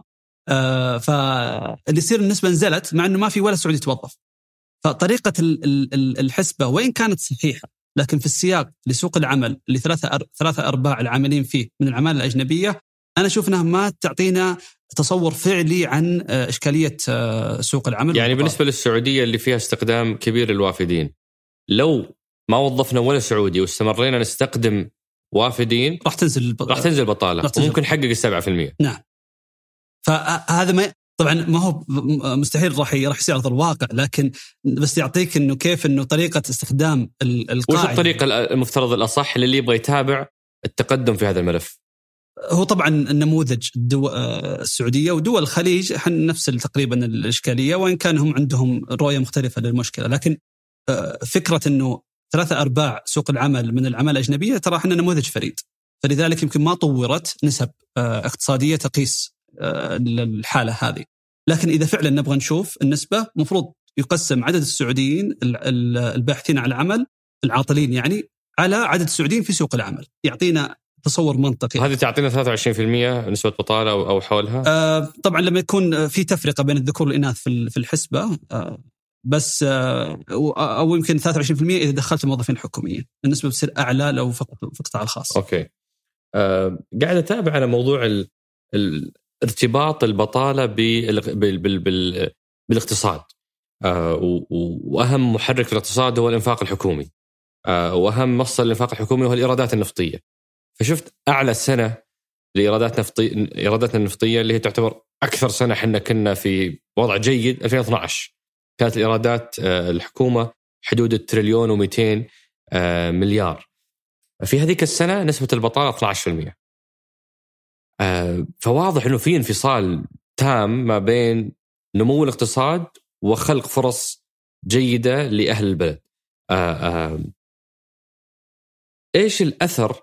أتذكر انك سولفنا فيها بأنه طيب لنفترض إنه إحنا دولة زي قطر ولا زي ال ال ال آه الإمارات أصلا ما عندنا عدد مواطنين ضخم يحتاج هالفرص. إيش الأثر الاقتصادي الأعمق والأكثر خطورة في الهيكل الحالي من مجرد بس توفير وظائف، لو اعتبرنا إنه ما في عندنا حاجة وظائف أنت ذكرت إنه في مشكلة أعمق في هذا في هذا الشكل. إي أنا أذكر حتى بالضبط اللي قلته إنه الحوالات ال 155 مليار آه تقريبا ما هي من أعلى ثلاث مشاكل اقتصاديا أنا أشوف أنا كنت أقول عادي خليهم يرجعون لبلدهم ونستمر نعطيهم الحوالات ذي ووضعنا حيكون أفضل. أفضل. آه. هذا كلام ما هو منطقي ابدا. منطقي. اشرح لي إياه. طيب أول إشكالية آه جزء كبير من من من حسبة الناتج المحلي تعتمد على الإنفاق. والنسبة هذه كل ما تقدم تعقيد اقتصاد الدولة كل ما تشكل نسبة أعظم. فنشوف مثلا السوق الأمريكي هو السوق الأكبر في العالم لأنه في أكبر قاعدة مستهلكين. أكبر من الصين اللي فيه مليار ونص. طيب قاعدة المستهلكين هو الشخص المستهلك هو في نفس الوقت عامل فهو يكون آسف لحظة كيف كيف أمريكا 300 مليون قاعدة مستهلكينها أكبر من الصين إذا شفنا من ناحية حجم الإنفاق آه أوكي إي من ناحية حجم الإنفاق طيب فأكبر سوق نقول consumer market في العالم هو في السوق الأمريكي ليش؟ لأنه والله راتب الأمريكي جدا عالي وينفق بنسبة عالية من من من راتبه والنسبة الأعظم تدخل داخل الاقتصاد. أوكي. بالإضافة إنه اقتصادهم يعتمد نسبة كبيرة على الخدمات بمعنى إنه الفلوس اللي تصرفه في البلد ما تتوجه مباشرة برا فجالس تدور بسرعة أكثر داخل الاقتصاد نفسه فتخلق لك مضاعف نقدي على حجم الاقتصاد أعلى. اللي يصير لما ما يكون المواطنين موجودين في سوق العمل العمالة الوافدة لها هدف معين إنه أنا جاي أبغى أحقق فائض ارجعه لديرتي و... ويعني وأرجع بعد فترة. في الإشكالية المباشره لأن ذكرت ال 155 مليار انها تطلع بشكل مباشر. لكن الإشكالية الأعظم الفلوس هذه كان من المفترض لو أن سوق العمل فقط مواطنين إنها تروح إلى مواطنين. بيكون التركيز حقها أعلى برضه بدل ما مثلا نفرض 10000 تروح على ثلاثة ال 10000 تروح لشخص واحد. طيب المواطن لما يصرف بيصرف طبعا داخل البلد ولما يكون سوق العمل موطن بالكامل كل منافذ الصرف الممكنة راح تتوجه إلى مواطنين. هذه كخطوة أولى، لكن كخطوة ثانية كل ما زاد الدخل زادت الإنتاجية وزادت الكفاءة اللي إحنا ذكرناها في مثلا زي التجزئة أو كذا راح تزيد اوجه الصرف الداخلية. فتلاقي مثلا مجالات الترفيه أو الخدمات المتقدمة شوي الناس تبدأ تصرف فيها أكثر. هذه تخلق لك برضو وظائف برواتب أعلى غير الرواتب أو الوظائف التقليدية اللي إحنا متعودين عليها. في شيء يسمونه ال money velocity اللي هو معدل دوران المال داخل الاقتصاد. طيب اللي يحدد المعدل هذا في عدة عوامل مالية لكن إذا تكلم على سوق العمل والإنفاق يحددوا مدى تعقيد الاقتصاد ومدى وجود في خلينا نقول فائض الصرف ال disposable income للفرد. فلما يكون الأغلب المواطنين موظفين في رواتب ما فيها فائض صرف عالي والصرف اللي يصرفه يعني أغلبها تروح على الأساسيات الحاجات اللي تكون جزء كبير منها مستوردة هنا بيصير في فاقد فتحصل إنه قد يكون في إيرادات ضخمة من الميزانية تصرف في الاقتصاد لكن ما تنعكس على حجم نمو الاقتصاد المحلي مثل اللي اللي صار في 2012. أم في نقطة مرتبطة بهذا بهذا الأجواء آه، اللي هي موضوع العمالة المنزلية آه، الدكتور رشود الخريف يقول انخفض هذا عن الربع الأول من هذا العام على ما أعتقد. الكاتب رشود الخروف يقول الدكتور رشود الخريف يقول انخفض معدل بطاله الذكور من 7.5 إلى 5.2% وهذا شيء إيجابي. وانخفض معدل البطاله عند الإناث من 31% إلى 22% وهذا إنجاز. ما أتوقع هذا آخر ربع أتوقع هذه المرحلة اللي فاتت. آه وهذا إنجاز. لكن ارتفعت العماله المنزلية من 2.4 مليون إلى 3.2 مليون. خلال نفس هذه الفترة. اللي سمح للمرأة أنها تقود واللي قمنا بتوطين كل القطاعات. في شيء غريب الرقم هذا ما هو منطقي. وإذا اذا اعتبرنا أنه مؤشر للرفاهية في الفترة الماضية ما كانت الأمور في أحسن حالاتها والناس ما هو قاعدين يزدادون دخلا. يعني الطبقه المتوسطة كان عليها ضغط اقتصادي كبير الفترة الماضية. فشلون زادوا عدد العمالة بهالشكل 50% زيادة؟ في الفترة الماضية؟ لو نفحص الأرقام بشكل أدق نحصل إنه العماله المنزلية الاناث قل عددهم الذكور زاد. عجيب سواقين كل هذولي؟ اي يعني كنسبة سائقين وعاملة واحدة من من 3 مليون وكسور يعني. أه وتستغرب الزيادة في بدأت من من من سنتين أو ثلاث سنوات. لكن نجي نشوف أرض الواقع شو يقول. ارض الواقع يقول إنه تم رفع المقابل المالي لتفضيلات العمل على الاعمال الاجنبيه من في الشركات في الشركات من 100 ريال كان في 2015 آه، تدريجي إلى ما وصل تقريبا 9600 في السنة. بينما العمالة المنزلية مستثنين من المقابل المالي فلا زال على 100 ريال ك أو عفوا ما في أصلا مقابل مالي اللي ما ما يدخل فيكون فقط الإقامة ل 650 فأكيد أنت الحين حطيت خيار رفعته وسوق العمل إحنا قلنا إنه وعاء واحد وليس أوعية منفصلة. فاللي يصير إنه في جزء كبير من العمالة المنزلية اللي جات على أساس إنه سائق مع إنه تزامن مع قيادة المرأة في المنطق إنه يقل الرقم. لكن اللي صار إنه السائقين جو اشتغلوا في في مهن في سوق العمل المفروض إنه ياخذ عليها رخصة عمل. لكن ما في ذيك المراقبة اللي يمكن تضمن إنه إنه ما يدخلون في سوق العمل. وصعب في بعض الأشياء يعني نقول مثلا صيانة داخل البيت أو كذا. وش يفرق إنه سائق ولا ولا جاي على على مهنة سباك مثلا صعب شوية التفرقة فاللي صار هو تعويض لذلك هذا برضو جزء آخر في إشكالية آه، إحنا نحسب نسبة البطالة بنفس المعيار العالمي ولا نأخذ السياق الفريد اللي اللي سوق العمل عندنا جالس يمشي فيه. يعني لو قلنا انه إنه من الثلاثة مليون مليون يشتغلون في سوق العمل هذول ما يعتبرون ضمن القوى العاملة. لكن لو اعتبروا ضمن القوى العاملة بيكون آه، عندنا طريقة مختلفة لحسبة حتى معدل الرواتب حيختلف تماما معدل الرواتب معدل آه، وجود السعوديين في سوق العمل راح يقل أكيد لأن زودت الأجانب اللي دخلوا فهذا برضو يفتح لنا خلل آخر. آه، أنت ما جبت طاري موضوع توطين حتى مهن الأعمال المنزلية.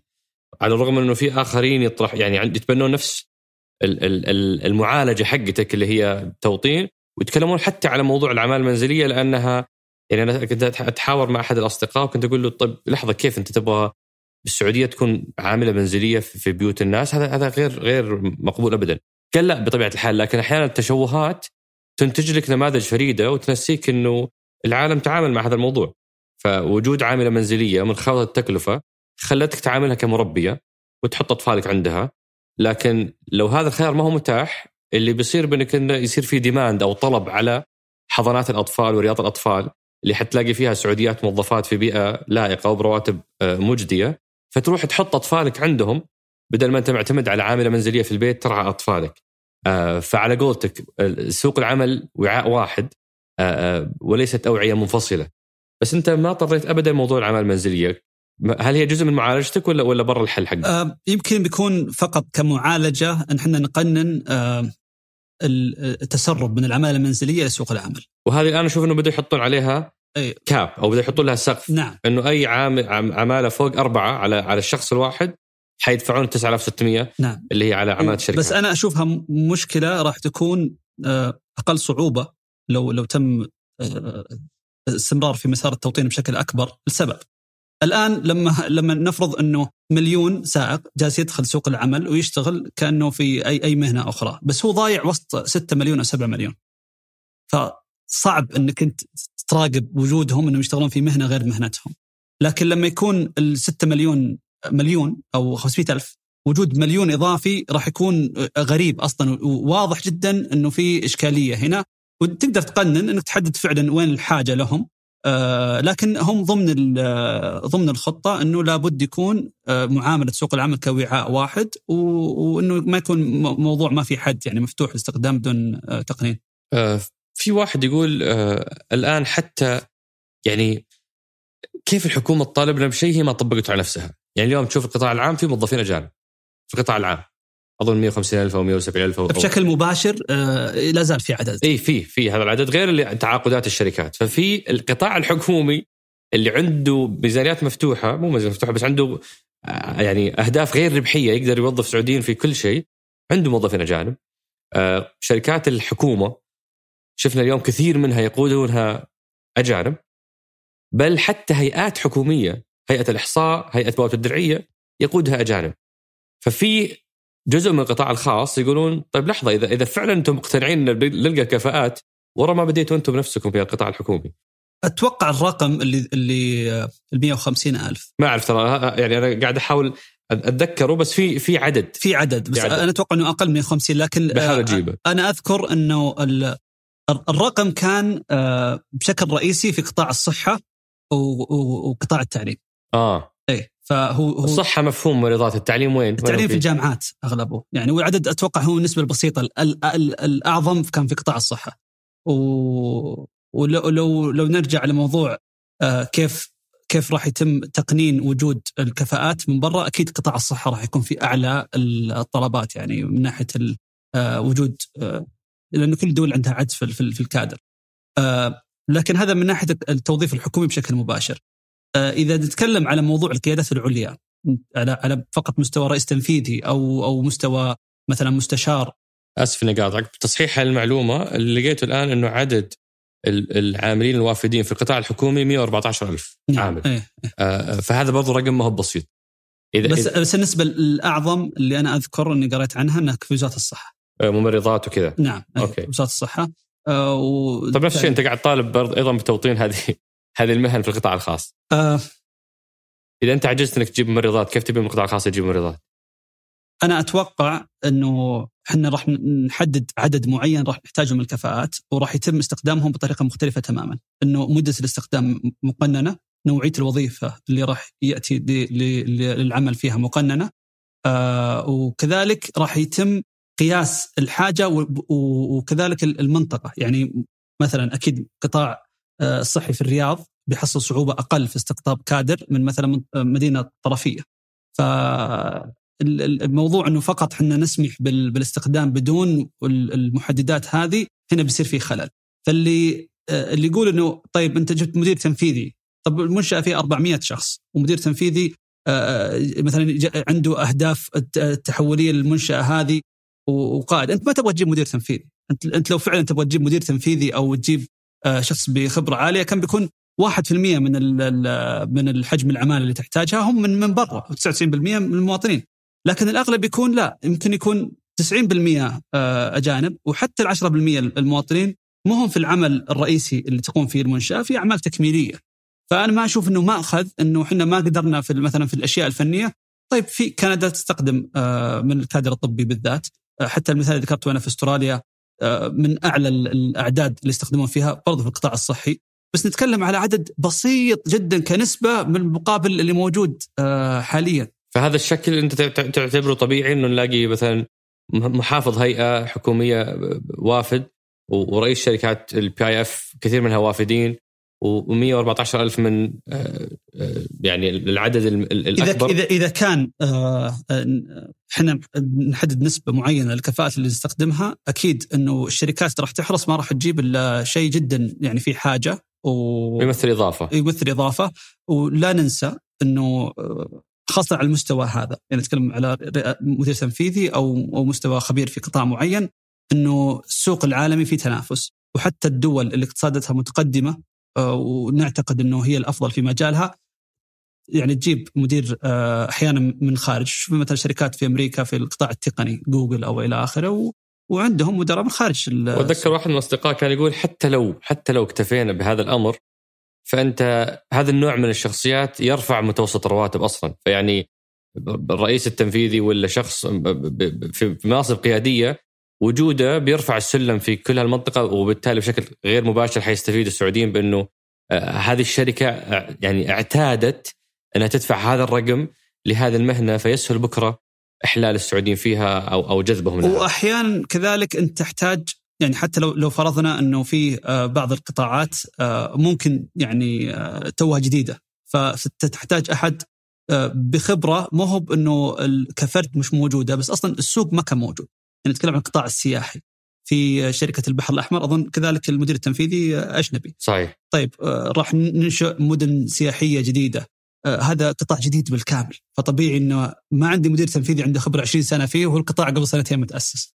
آه، ففي أحيانا مرحلة تحكمك وأحيانا التنوع في الخلفيات الثقافية على المستوى هذا في القيادات العليا مفيد. فنشوف إنه ال board of directors في أرامكو في في في آه، خبرات من من خارج المملكة كثير وفي مجالس استشارية برضه في جهات حكومية أخرى فيها خبرات من أعلى وأكيد إنه يعني ما استقطبت الخبرات هذه لأنه تكلفتها أقل أو إنه يقبل بوضع عمل أقل أو أو راتب متدني آه، لكن لا لأنه في قيمة مضافة راح يضيفها. أه، بنتقل لمجموعة من أسئلة الأصدقاء أبو جابر وأنتظر تعليقات سريعة كرما عشان الوقت. آه، أنت كان عندك سلسلة تغريدات على موضوع القطاع النقل نقل الأطعمة والتوصيل آه، ورد عليك أيمن آه، أيمن الصياحي أيمن الصياحي إيه؟ يقول لماذا التوطين صعب في توصيل الأطعمة؟ بالحل اللي أنت كنت تتكلم عنه مفترض كل سواقين جاهز وهنجر ستيشن ومرسول وكل كل الشركات هذه حيكونوا سعوديين. كيف تتخيل شكل القطاع لو لو بالفعل تم التوطين؟ يمكن الخدمة اللي بنيت على توقع إنه والله عندي وفرة من العماله الأجنبية راح يتغير أصلا نموذج العمل. بمعنى يمكن آه، نطاق التوصيل راح يقل يعني الخيارات بدل ما يصير مطعم على على 10 15 كيلو يصير لا نطاق جدا محدود نوعية المطاعم أصلا وال وش يفرق النطاق المحدود هذا يعني إنه بصير في ربحية أعلى للسائق يعني الشركة راح تهتم أكثر إنه راح تمكن السائق عشان يوصل أكثر من مشوار يوصل أكثر مشوار بشكل سريع. فيعني هذا مثلا نشوف آه، أنا ذكرت بس هل مجدي للسعودي مثلا يوصل وجبة ب 20 ريال ويأخذ عليها كم؟ 6 ريال 7 ريال؟ هو آه ويوقف عند العمارة ويطلع للشقة ويطق الباب ويسلم. يعني هذا هذا النوع من المهمة يعني ما ما أعتقد إنه أحد أصلا بي بيكون متحمس إنه يسويه ولا؟ أنا أتوقع إنه ترتفع تكلفة الخدمة في في القطاع. بالمقابل راح الشركات أصلا تغير نموذج العمل لخدمة السائق إنه يقدر يطلع عدد رحلات أكثر بسعر أعلى. وأنا قلت إنه في مشكلة أصلا خذها في القطاع عالمي مو بس محلي عندنا. ولو نشوف وين نجحت مثلا نماذج التوصيل التوصيل نشوف إنها في المدن اللي فيها كثافة عالية وفيها قوة شرائية عالية، فتكلم مثلا لندن، نيويورك فيها ربحية للشركات، نفس الشركات تعمل في مدن ثانية آه، أصغر ما تحقق ربحية. آه، ففي خلل أصلا في نموذج العمل.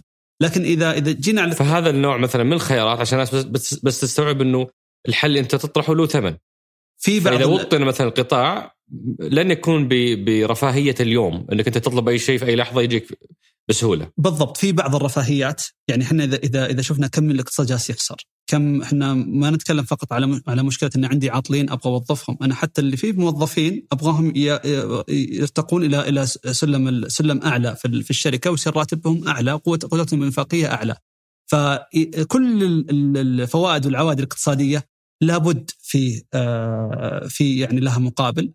في بعض الرفاهيات إحنا تكلمنا فيها قلنا إنه في بعض الأشياء فريدة موجودة عندنا. أوكي ممتاز إنه واحد ممكن يحصل له الساعة 11 في الليل واحد يسوي له غسيل وكوي للثوب ب 5 ريال. فهي رفاهية موجودة بس هل هي آه، مستدامة آه، في, على مدى طويل ولا هي مؤقتة؟ لأنه بس في فوائض الآن من النفط تصرف للموظفين الحكوميين ففيه قوة شرائية من خارج سوق العمل موجودة. آه، في فترة ما راح تقل تأثير آه، اللي هو القوة الشرائية من الموظفين الحكوميين وأنا أشوف أنها بدأت. يعني كثير من أصحاب المنشآت يشتكون آه، سابقا كان فقط أنه في بعض الرسوم ارتفعت علينا أو بعض الدعم خف على بعض المدخلات. الآن صار في شكوى من موضوع آه، ضعف القوة الشرائية. طيب رواتب الموظفين الحكوميين كبند بالميزانيه يعني ما تغير بشكل كبير وإن كان في يمكن بدل الغلاء ذهب لكن ليش إنه المنشآت بدأت الحين مرة تشوف في فرق ضخم يعني بعض بعضهم يقول كأنه نصف القوه الشرائيه راحت. فيه آه عامل إنه كم نسبة الموظفين الحكوميين من إجمالي الاقتصاد؟ إذا هم يشكلون 70% فنعم هم إذا عندهم رواتب يقدرون يصرفون راح يكون وضعك جيد. لكن حتى لو ما قلصت عدد الموظفين بس زاد عدد الموظفين من القطاع الخاص بس رواتبهم أقل راح تكتشف إنه تأثيرهم في القوة الشرائية أقل بشكل كبير. في نفس هذا السياق الدكتور فهد بن بن بن جمعة أو بن جميعة مو مبين عندي كيف طريقة النطق يقول الذين يتحدثون عن الرسوم على الأعمال الوافده أنها دخل كبير للدولة فهم لا يفقهون شيئا في الاقتصاد. تكلفة الفرصة البديلة لتوظيف الأعمال السعودية أعلى بكثير من قيمة هذه الرسوم. قيمة الضريبة المضافة على إنفاق السعودي أعلى بكثير من قيمة الرسوم. وبدون إنفاق المستهلك يخسر الاقتصاد. وش تعليق؟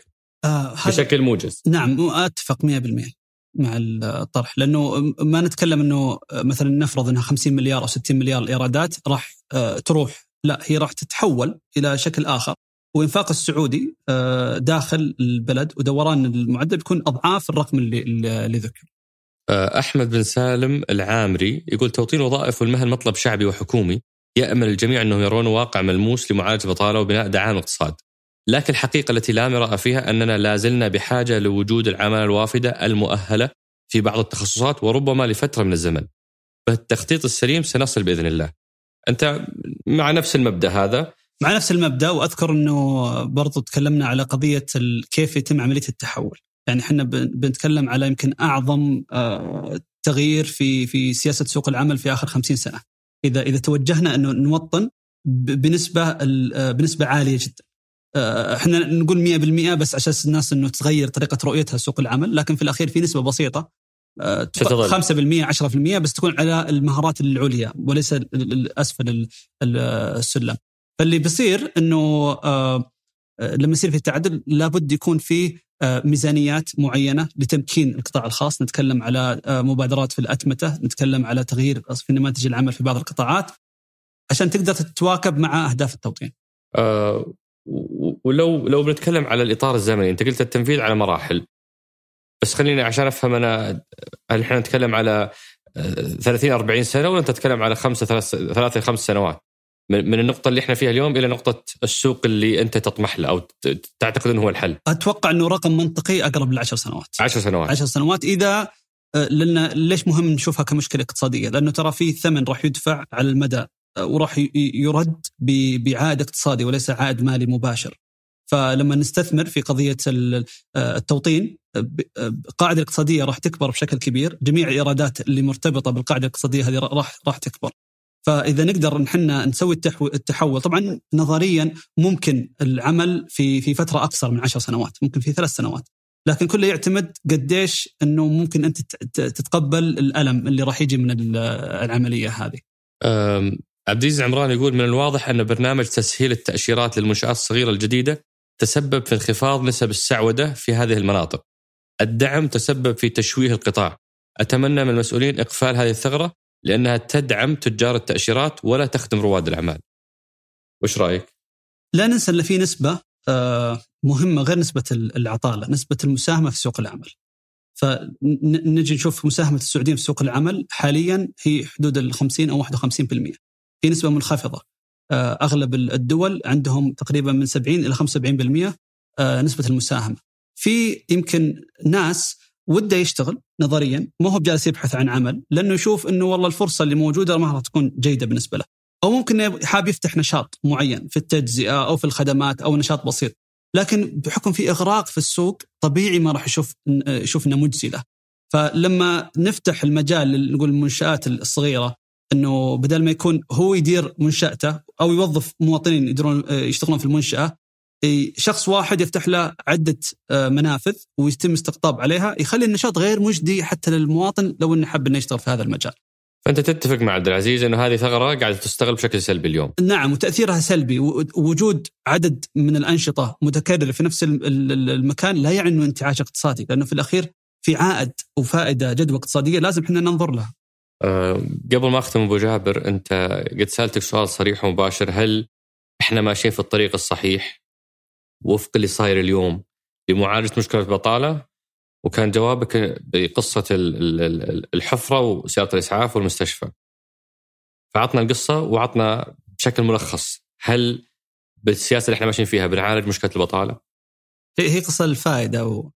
آه إنه في قرية فيها حفرة وفيها ناس تطيح وتتأذى يعني فاجتمعوا يبون يحلون مشكلة الحفرة هذه فقالوا طلعوا بثلاثة حلول، اول حل انه إحنا نحط سيارة اسعاف جنب الحفرة تنقل المصابين مباشرة. الحل الثاني قال لا ننقل المستشفى إلى جنب الحفرة آه عشان نعالجهم بشكل أسرع.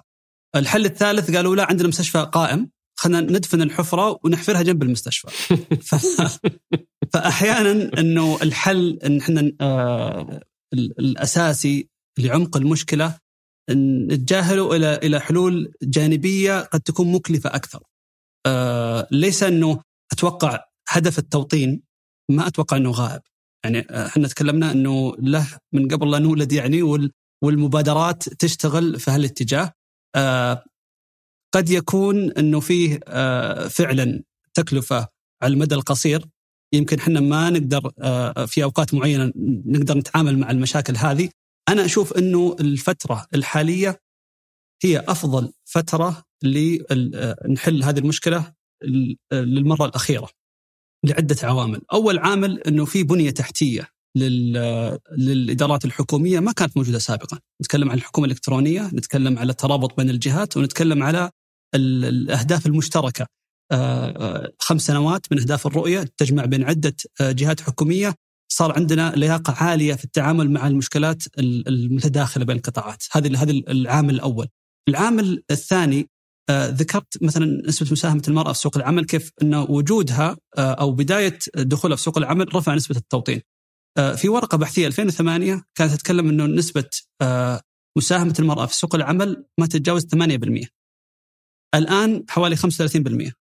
فنتكلم في فترة قياسية وأغلب النمو صار في آخر خمس سنوات.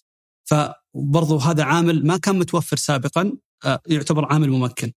الجانب الثالث إنه عشان نقدر إحنا نتحول بأقل التكاليف وبأقل الآثار السلبية على المدى القصير تحتاج نخصص لها ميزانيات وندعمها في فترة الانتقال. الآن تعتبر فترة يعني أو بدينا ندخل الحين في فترة قد تكون مريحة. في خمس سنوات صارت من من التوازن المالي في ميزانية الدولة. صار في صرف أكثر على على على المشاريع اللي جدواها أعلى ليس فقط مشاريع توسعية. والان يعتبر فترة ممتازة. إحنا ما نضمن بعد عشر سنين كيف بيكون الفترة. هل إحنا بنفس الأريحية الآن أو لا؟ في جانب آخر. أنت ذكرت موضوع المنحة الديموغرافية. نعم اللي هو المنحة الديموغرافية. لما يكون نسبة المواطنين في في فترة العمل اللي نتكلم إحنا من هو تحسب من 16 إلى سن التقاعد تصير أعلى من عدد المتقاعدين وعدد الأطفال مجتمعين هي منحة ديموغرافية. اللي يصير إنه في أغلب الدول لما يرتفع مستوى الدخل يقل نسبة المواليد. ف تاتي المرحلة هذه اللي نسبة البالغين في سوق العمل هم الأغلبية فمعدل الانتاجيه جدا عالي. ثم بعد ذلك يبدأ اللي يدخلون سوق العمل أقل من الجيل اللي سابق. وهذول يشيبون يصير رعايتهم والعناية فيهم يصير في تكلفة رعاية رعاية عالية، فإحنا نشوفها مثلا في اليابان وفي ألبانيا في دول كثيرة يمكن هذول وصلوا إلى مستوى شوية متقدم، لكن إنه عندهم هالمشكلة نسبه نسبة المتقاعدين جدا عالية ففي عبء على الدولة. فاحنا لا زلنا الآن فترة اللي هم مواليد الثمانينات مواليد التسعينات هم الأعلى في تاريخ التركيبة الديموغرافيه لو نشوف مبيع آه عفوا مواليد ال 2000 ومواليد ال 2010 آه بنحصل عددهم أقل من مواليد التسعينات. فمعناه إن إحنا بدينا وصلنا للنقطه آه النقطة العليا وبدا في الانخفاض. ففتره الهدية الديموغرافية هذه اللي تسمى هي الجيل الحالي اللي الآن دخل سوق العمل. نتكلم اللي ولد في التسعينات هم يقدرون يحلون محل العمل. الوافدة في تصحيح شكل السوق بالمعالجة اللي انت ذكرتها. نعم.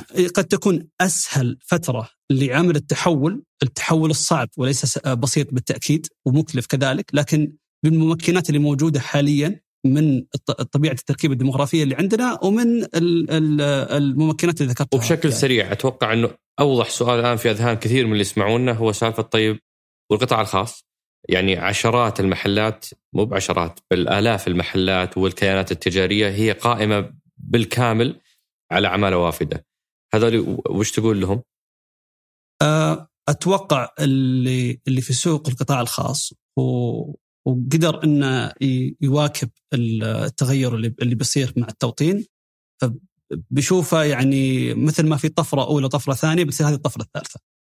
لأنه الشركات اللي عندها البنية التحتية وعندها خلينا نقول بيئة العمل والممكنات إنه يستوعب المواطنين فجأة بيحصل في منافسين كثير اختفوا. آه كانوا مضاعفين السوق وموزعين الكيكة بين عدة لاعبين قد لا يكون لهم قيمة مضافة. آه بينما الشخص اللي اللي اللي منشأته إدارتها ما هي بجيدة وبيئة العمل ما هي بجذابة راح يطلع طبعا. ف لا تقارن ابدا خسارة عدد بسيط اللي ما قدروا يتكيفون لأنه لا ننسى إنه في أصحاب أعمال هم الأغلب آه، اللي عندهم بيئة عمل جيدة وعندهم إمكانية آه، تأقلم جيدة بيتكيفون بيتكيفون وبتصير عوائدهم أعلى من السابق بعماله خلينا نقول حتى لو صارت تكلفتها أعلى لكن زي ما ذكرنا بيصير العوائد أعلى. سؤال قبل الأخير آه لو معنا واحد متابع من أول حلقة إلى الآن بس ما بعد يعني لقط الفكرة بشكل آه، ملخص. لخص لنا شكل سوق العمل المثالي اللي تطمح له اللي يخدم الاقتصاد ويحل البطالة.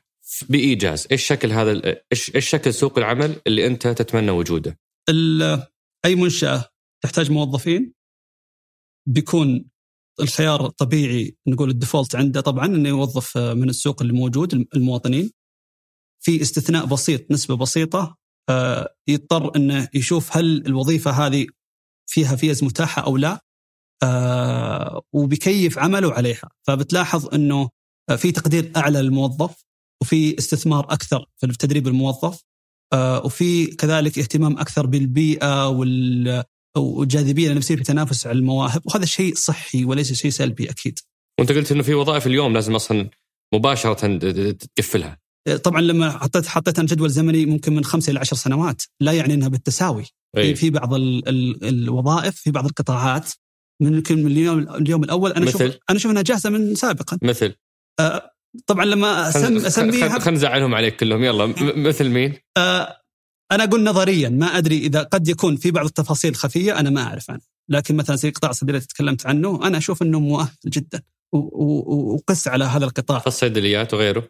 آه آه، في بعض الأشياء ممكن في معلومات إضافية عن وزاره العمل لو أطلع عليها غير رأيي أو إنه نكيف شوي بس مثلا أطباء الأسنان.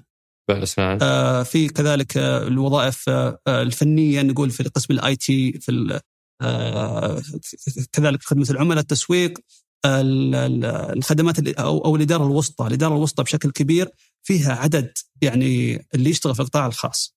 وشوف كمية الوظائف اللي ما فيها أي ميزة يعني آه، يشغلها الشخص هذا. لا حتى التكلفة لا يقدم تكلفة هذول كلهم تقول الآن فورا ما في ما في تدرج حتى. نقدر نبدأ مباشرة. وهذا وهذه الوظائف لو توطنت حتى الآثار السلبية اللي أنا ذكرت إنه آه، على المدى القصير لازم نتعامل معها في هذه الحالات قد لا تكون موجودة. كم موظف في شركتك؟ آه يعني تعتبر شركة صغيرة مو إيه؟ كم كم موظف؟ آه يعني تحت العشرة. تحت العشرة، إيه؟ كم منهم سعوديين؟ كلهم سعوديين. كل العشرة سعوديين. نعم.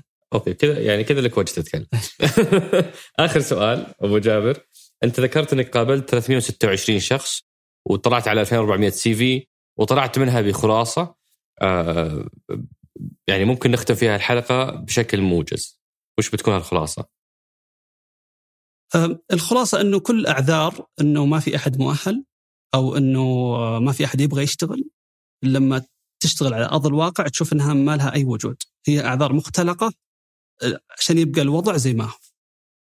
لما يتغير خلينا نقول العوامل على أرض الواقع صدقني اللي يقول لك في شركات بتطلع برا السوق. الاقتصاد السعودي أكبر اقتصاد في الشرق الأوسط. مستحيل أحد بيخليه لأنه بتقول آه لازم تضطر تخلي بيئة العمل عندك ممتازة وتستثمر بالتدريب وتدفع رواتب أكثر. فمن التجربة الناس اللي قابلتهم أكيد إنه في بعض ال ال الوظائف يمكن ما تحصل واحد فيها خبرة 10 سنين بس أنت ما فتحت الباب من قبل 10 سنين أصلا عشان ياخذ خبرة 10 سنين. فما هو بعذر إنك أنت تقول آه، ما عندي هالمتطلب واللي أصلا قد لا يكون أصلا ذو وجه. يعني في في متطلبات كثيرة. كانت حتى تجينا للأسف يعني بعض العقود آه، من جهات حكومية تفرض فيها نسبة آه، نقول خبرة معينة نجي على أرض الواقع ما نحتاج أحد 15 سنة خبرة عشان يقوم بهذا العمل، ممكن خمس سنوات أو ثلاث سنوات يقوم بهذا العمل بشكل جيد. ف بس وجود التوقع إن عندك إمكانية إنك تستخدم من برا يخلي هالطلبات وهالشروط موجودة. آه لو ما كانت موجودة آه أكيد بت أو عفوا آه لو ما كان في خيار الاستخدام موجود تتغير هالطلبات وبيفتح الباب وبيصير عندنا ناس 10 سنين و20 سنة خبرة لأن سوق العمل تكيف على آه، آه، الباحثين عن العمل اللي متواجدين من المواطنين. أبو جابر أنا استمتعت بالحوار. أتوقع هذه بتكون أطول حلقة في سقراط آه، ولكني مستمتع وما عندي مشكلة في مدتها الله يسعدك إن شاء الله تكون ممتعة للمستمعين والمشاهدين الله يبارك فيك. ما قصرت أبو عبد الرحمن؟ وأنا أنا منصدم إني أطول حلقة لأنه ما توقعت صراحة إن الوقت مر بهالسرعة. الله يحييك. الله شكرا يا ابو جابر. يعطيك العافية. تسلم. شكرا لكم. شكرا لريما رزوق في إعداد هالحلقة. ياسر الغانم خلف الكاميرات. كازي طلحة مساعد في التصوير. وفي تسجيل الصوت عبد العزيز المزي وفي التحرير أنس الخليل وفي الهندسة الصوتية محمد الحسن وفي إدارة الإنتاج فهد القصير وصالح باسلامة. والإشراف على إذاعة ثمانية سحر سليمان. هذا بودكاست سقراط أحد منتجات شركة ثمانية للنشر والتوزيع.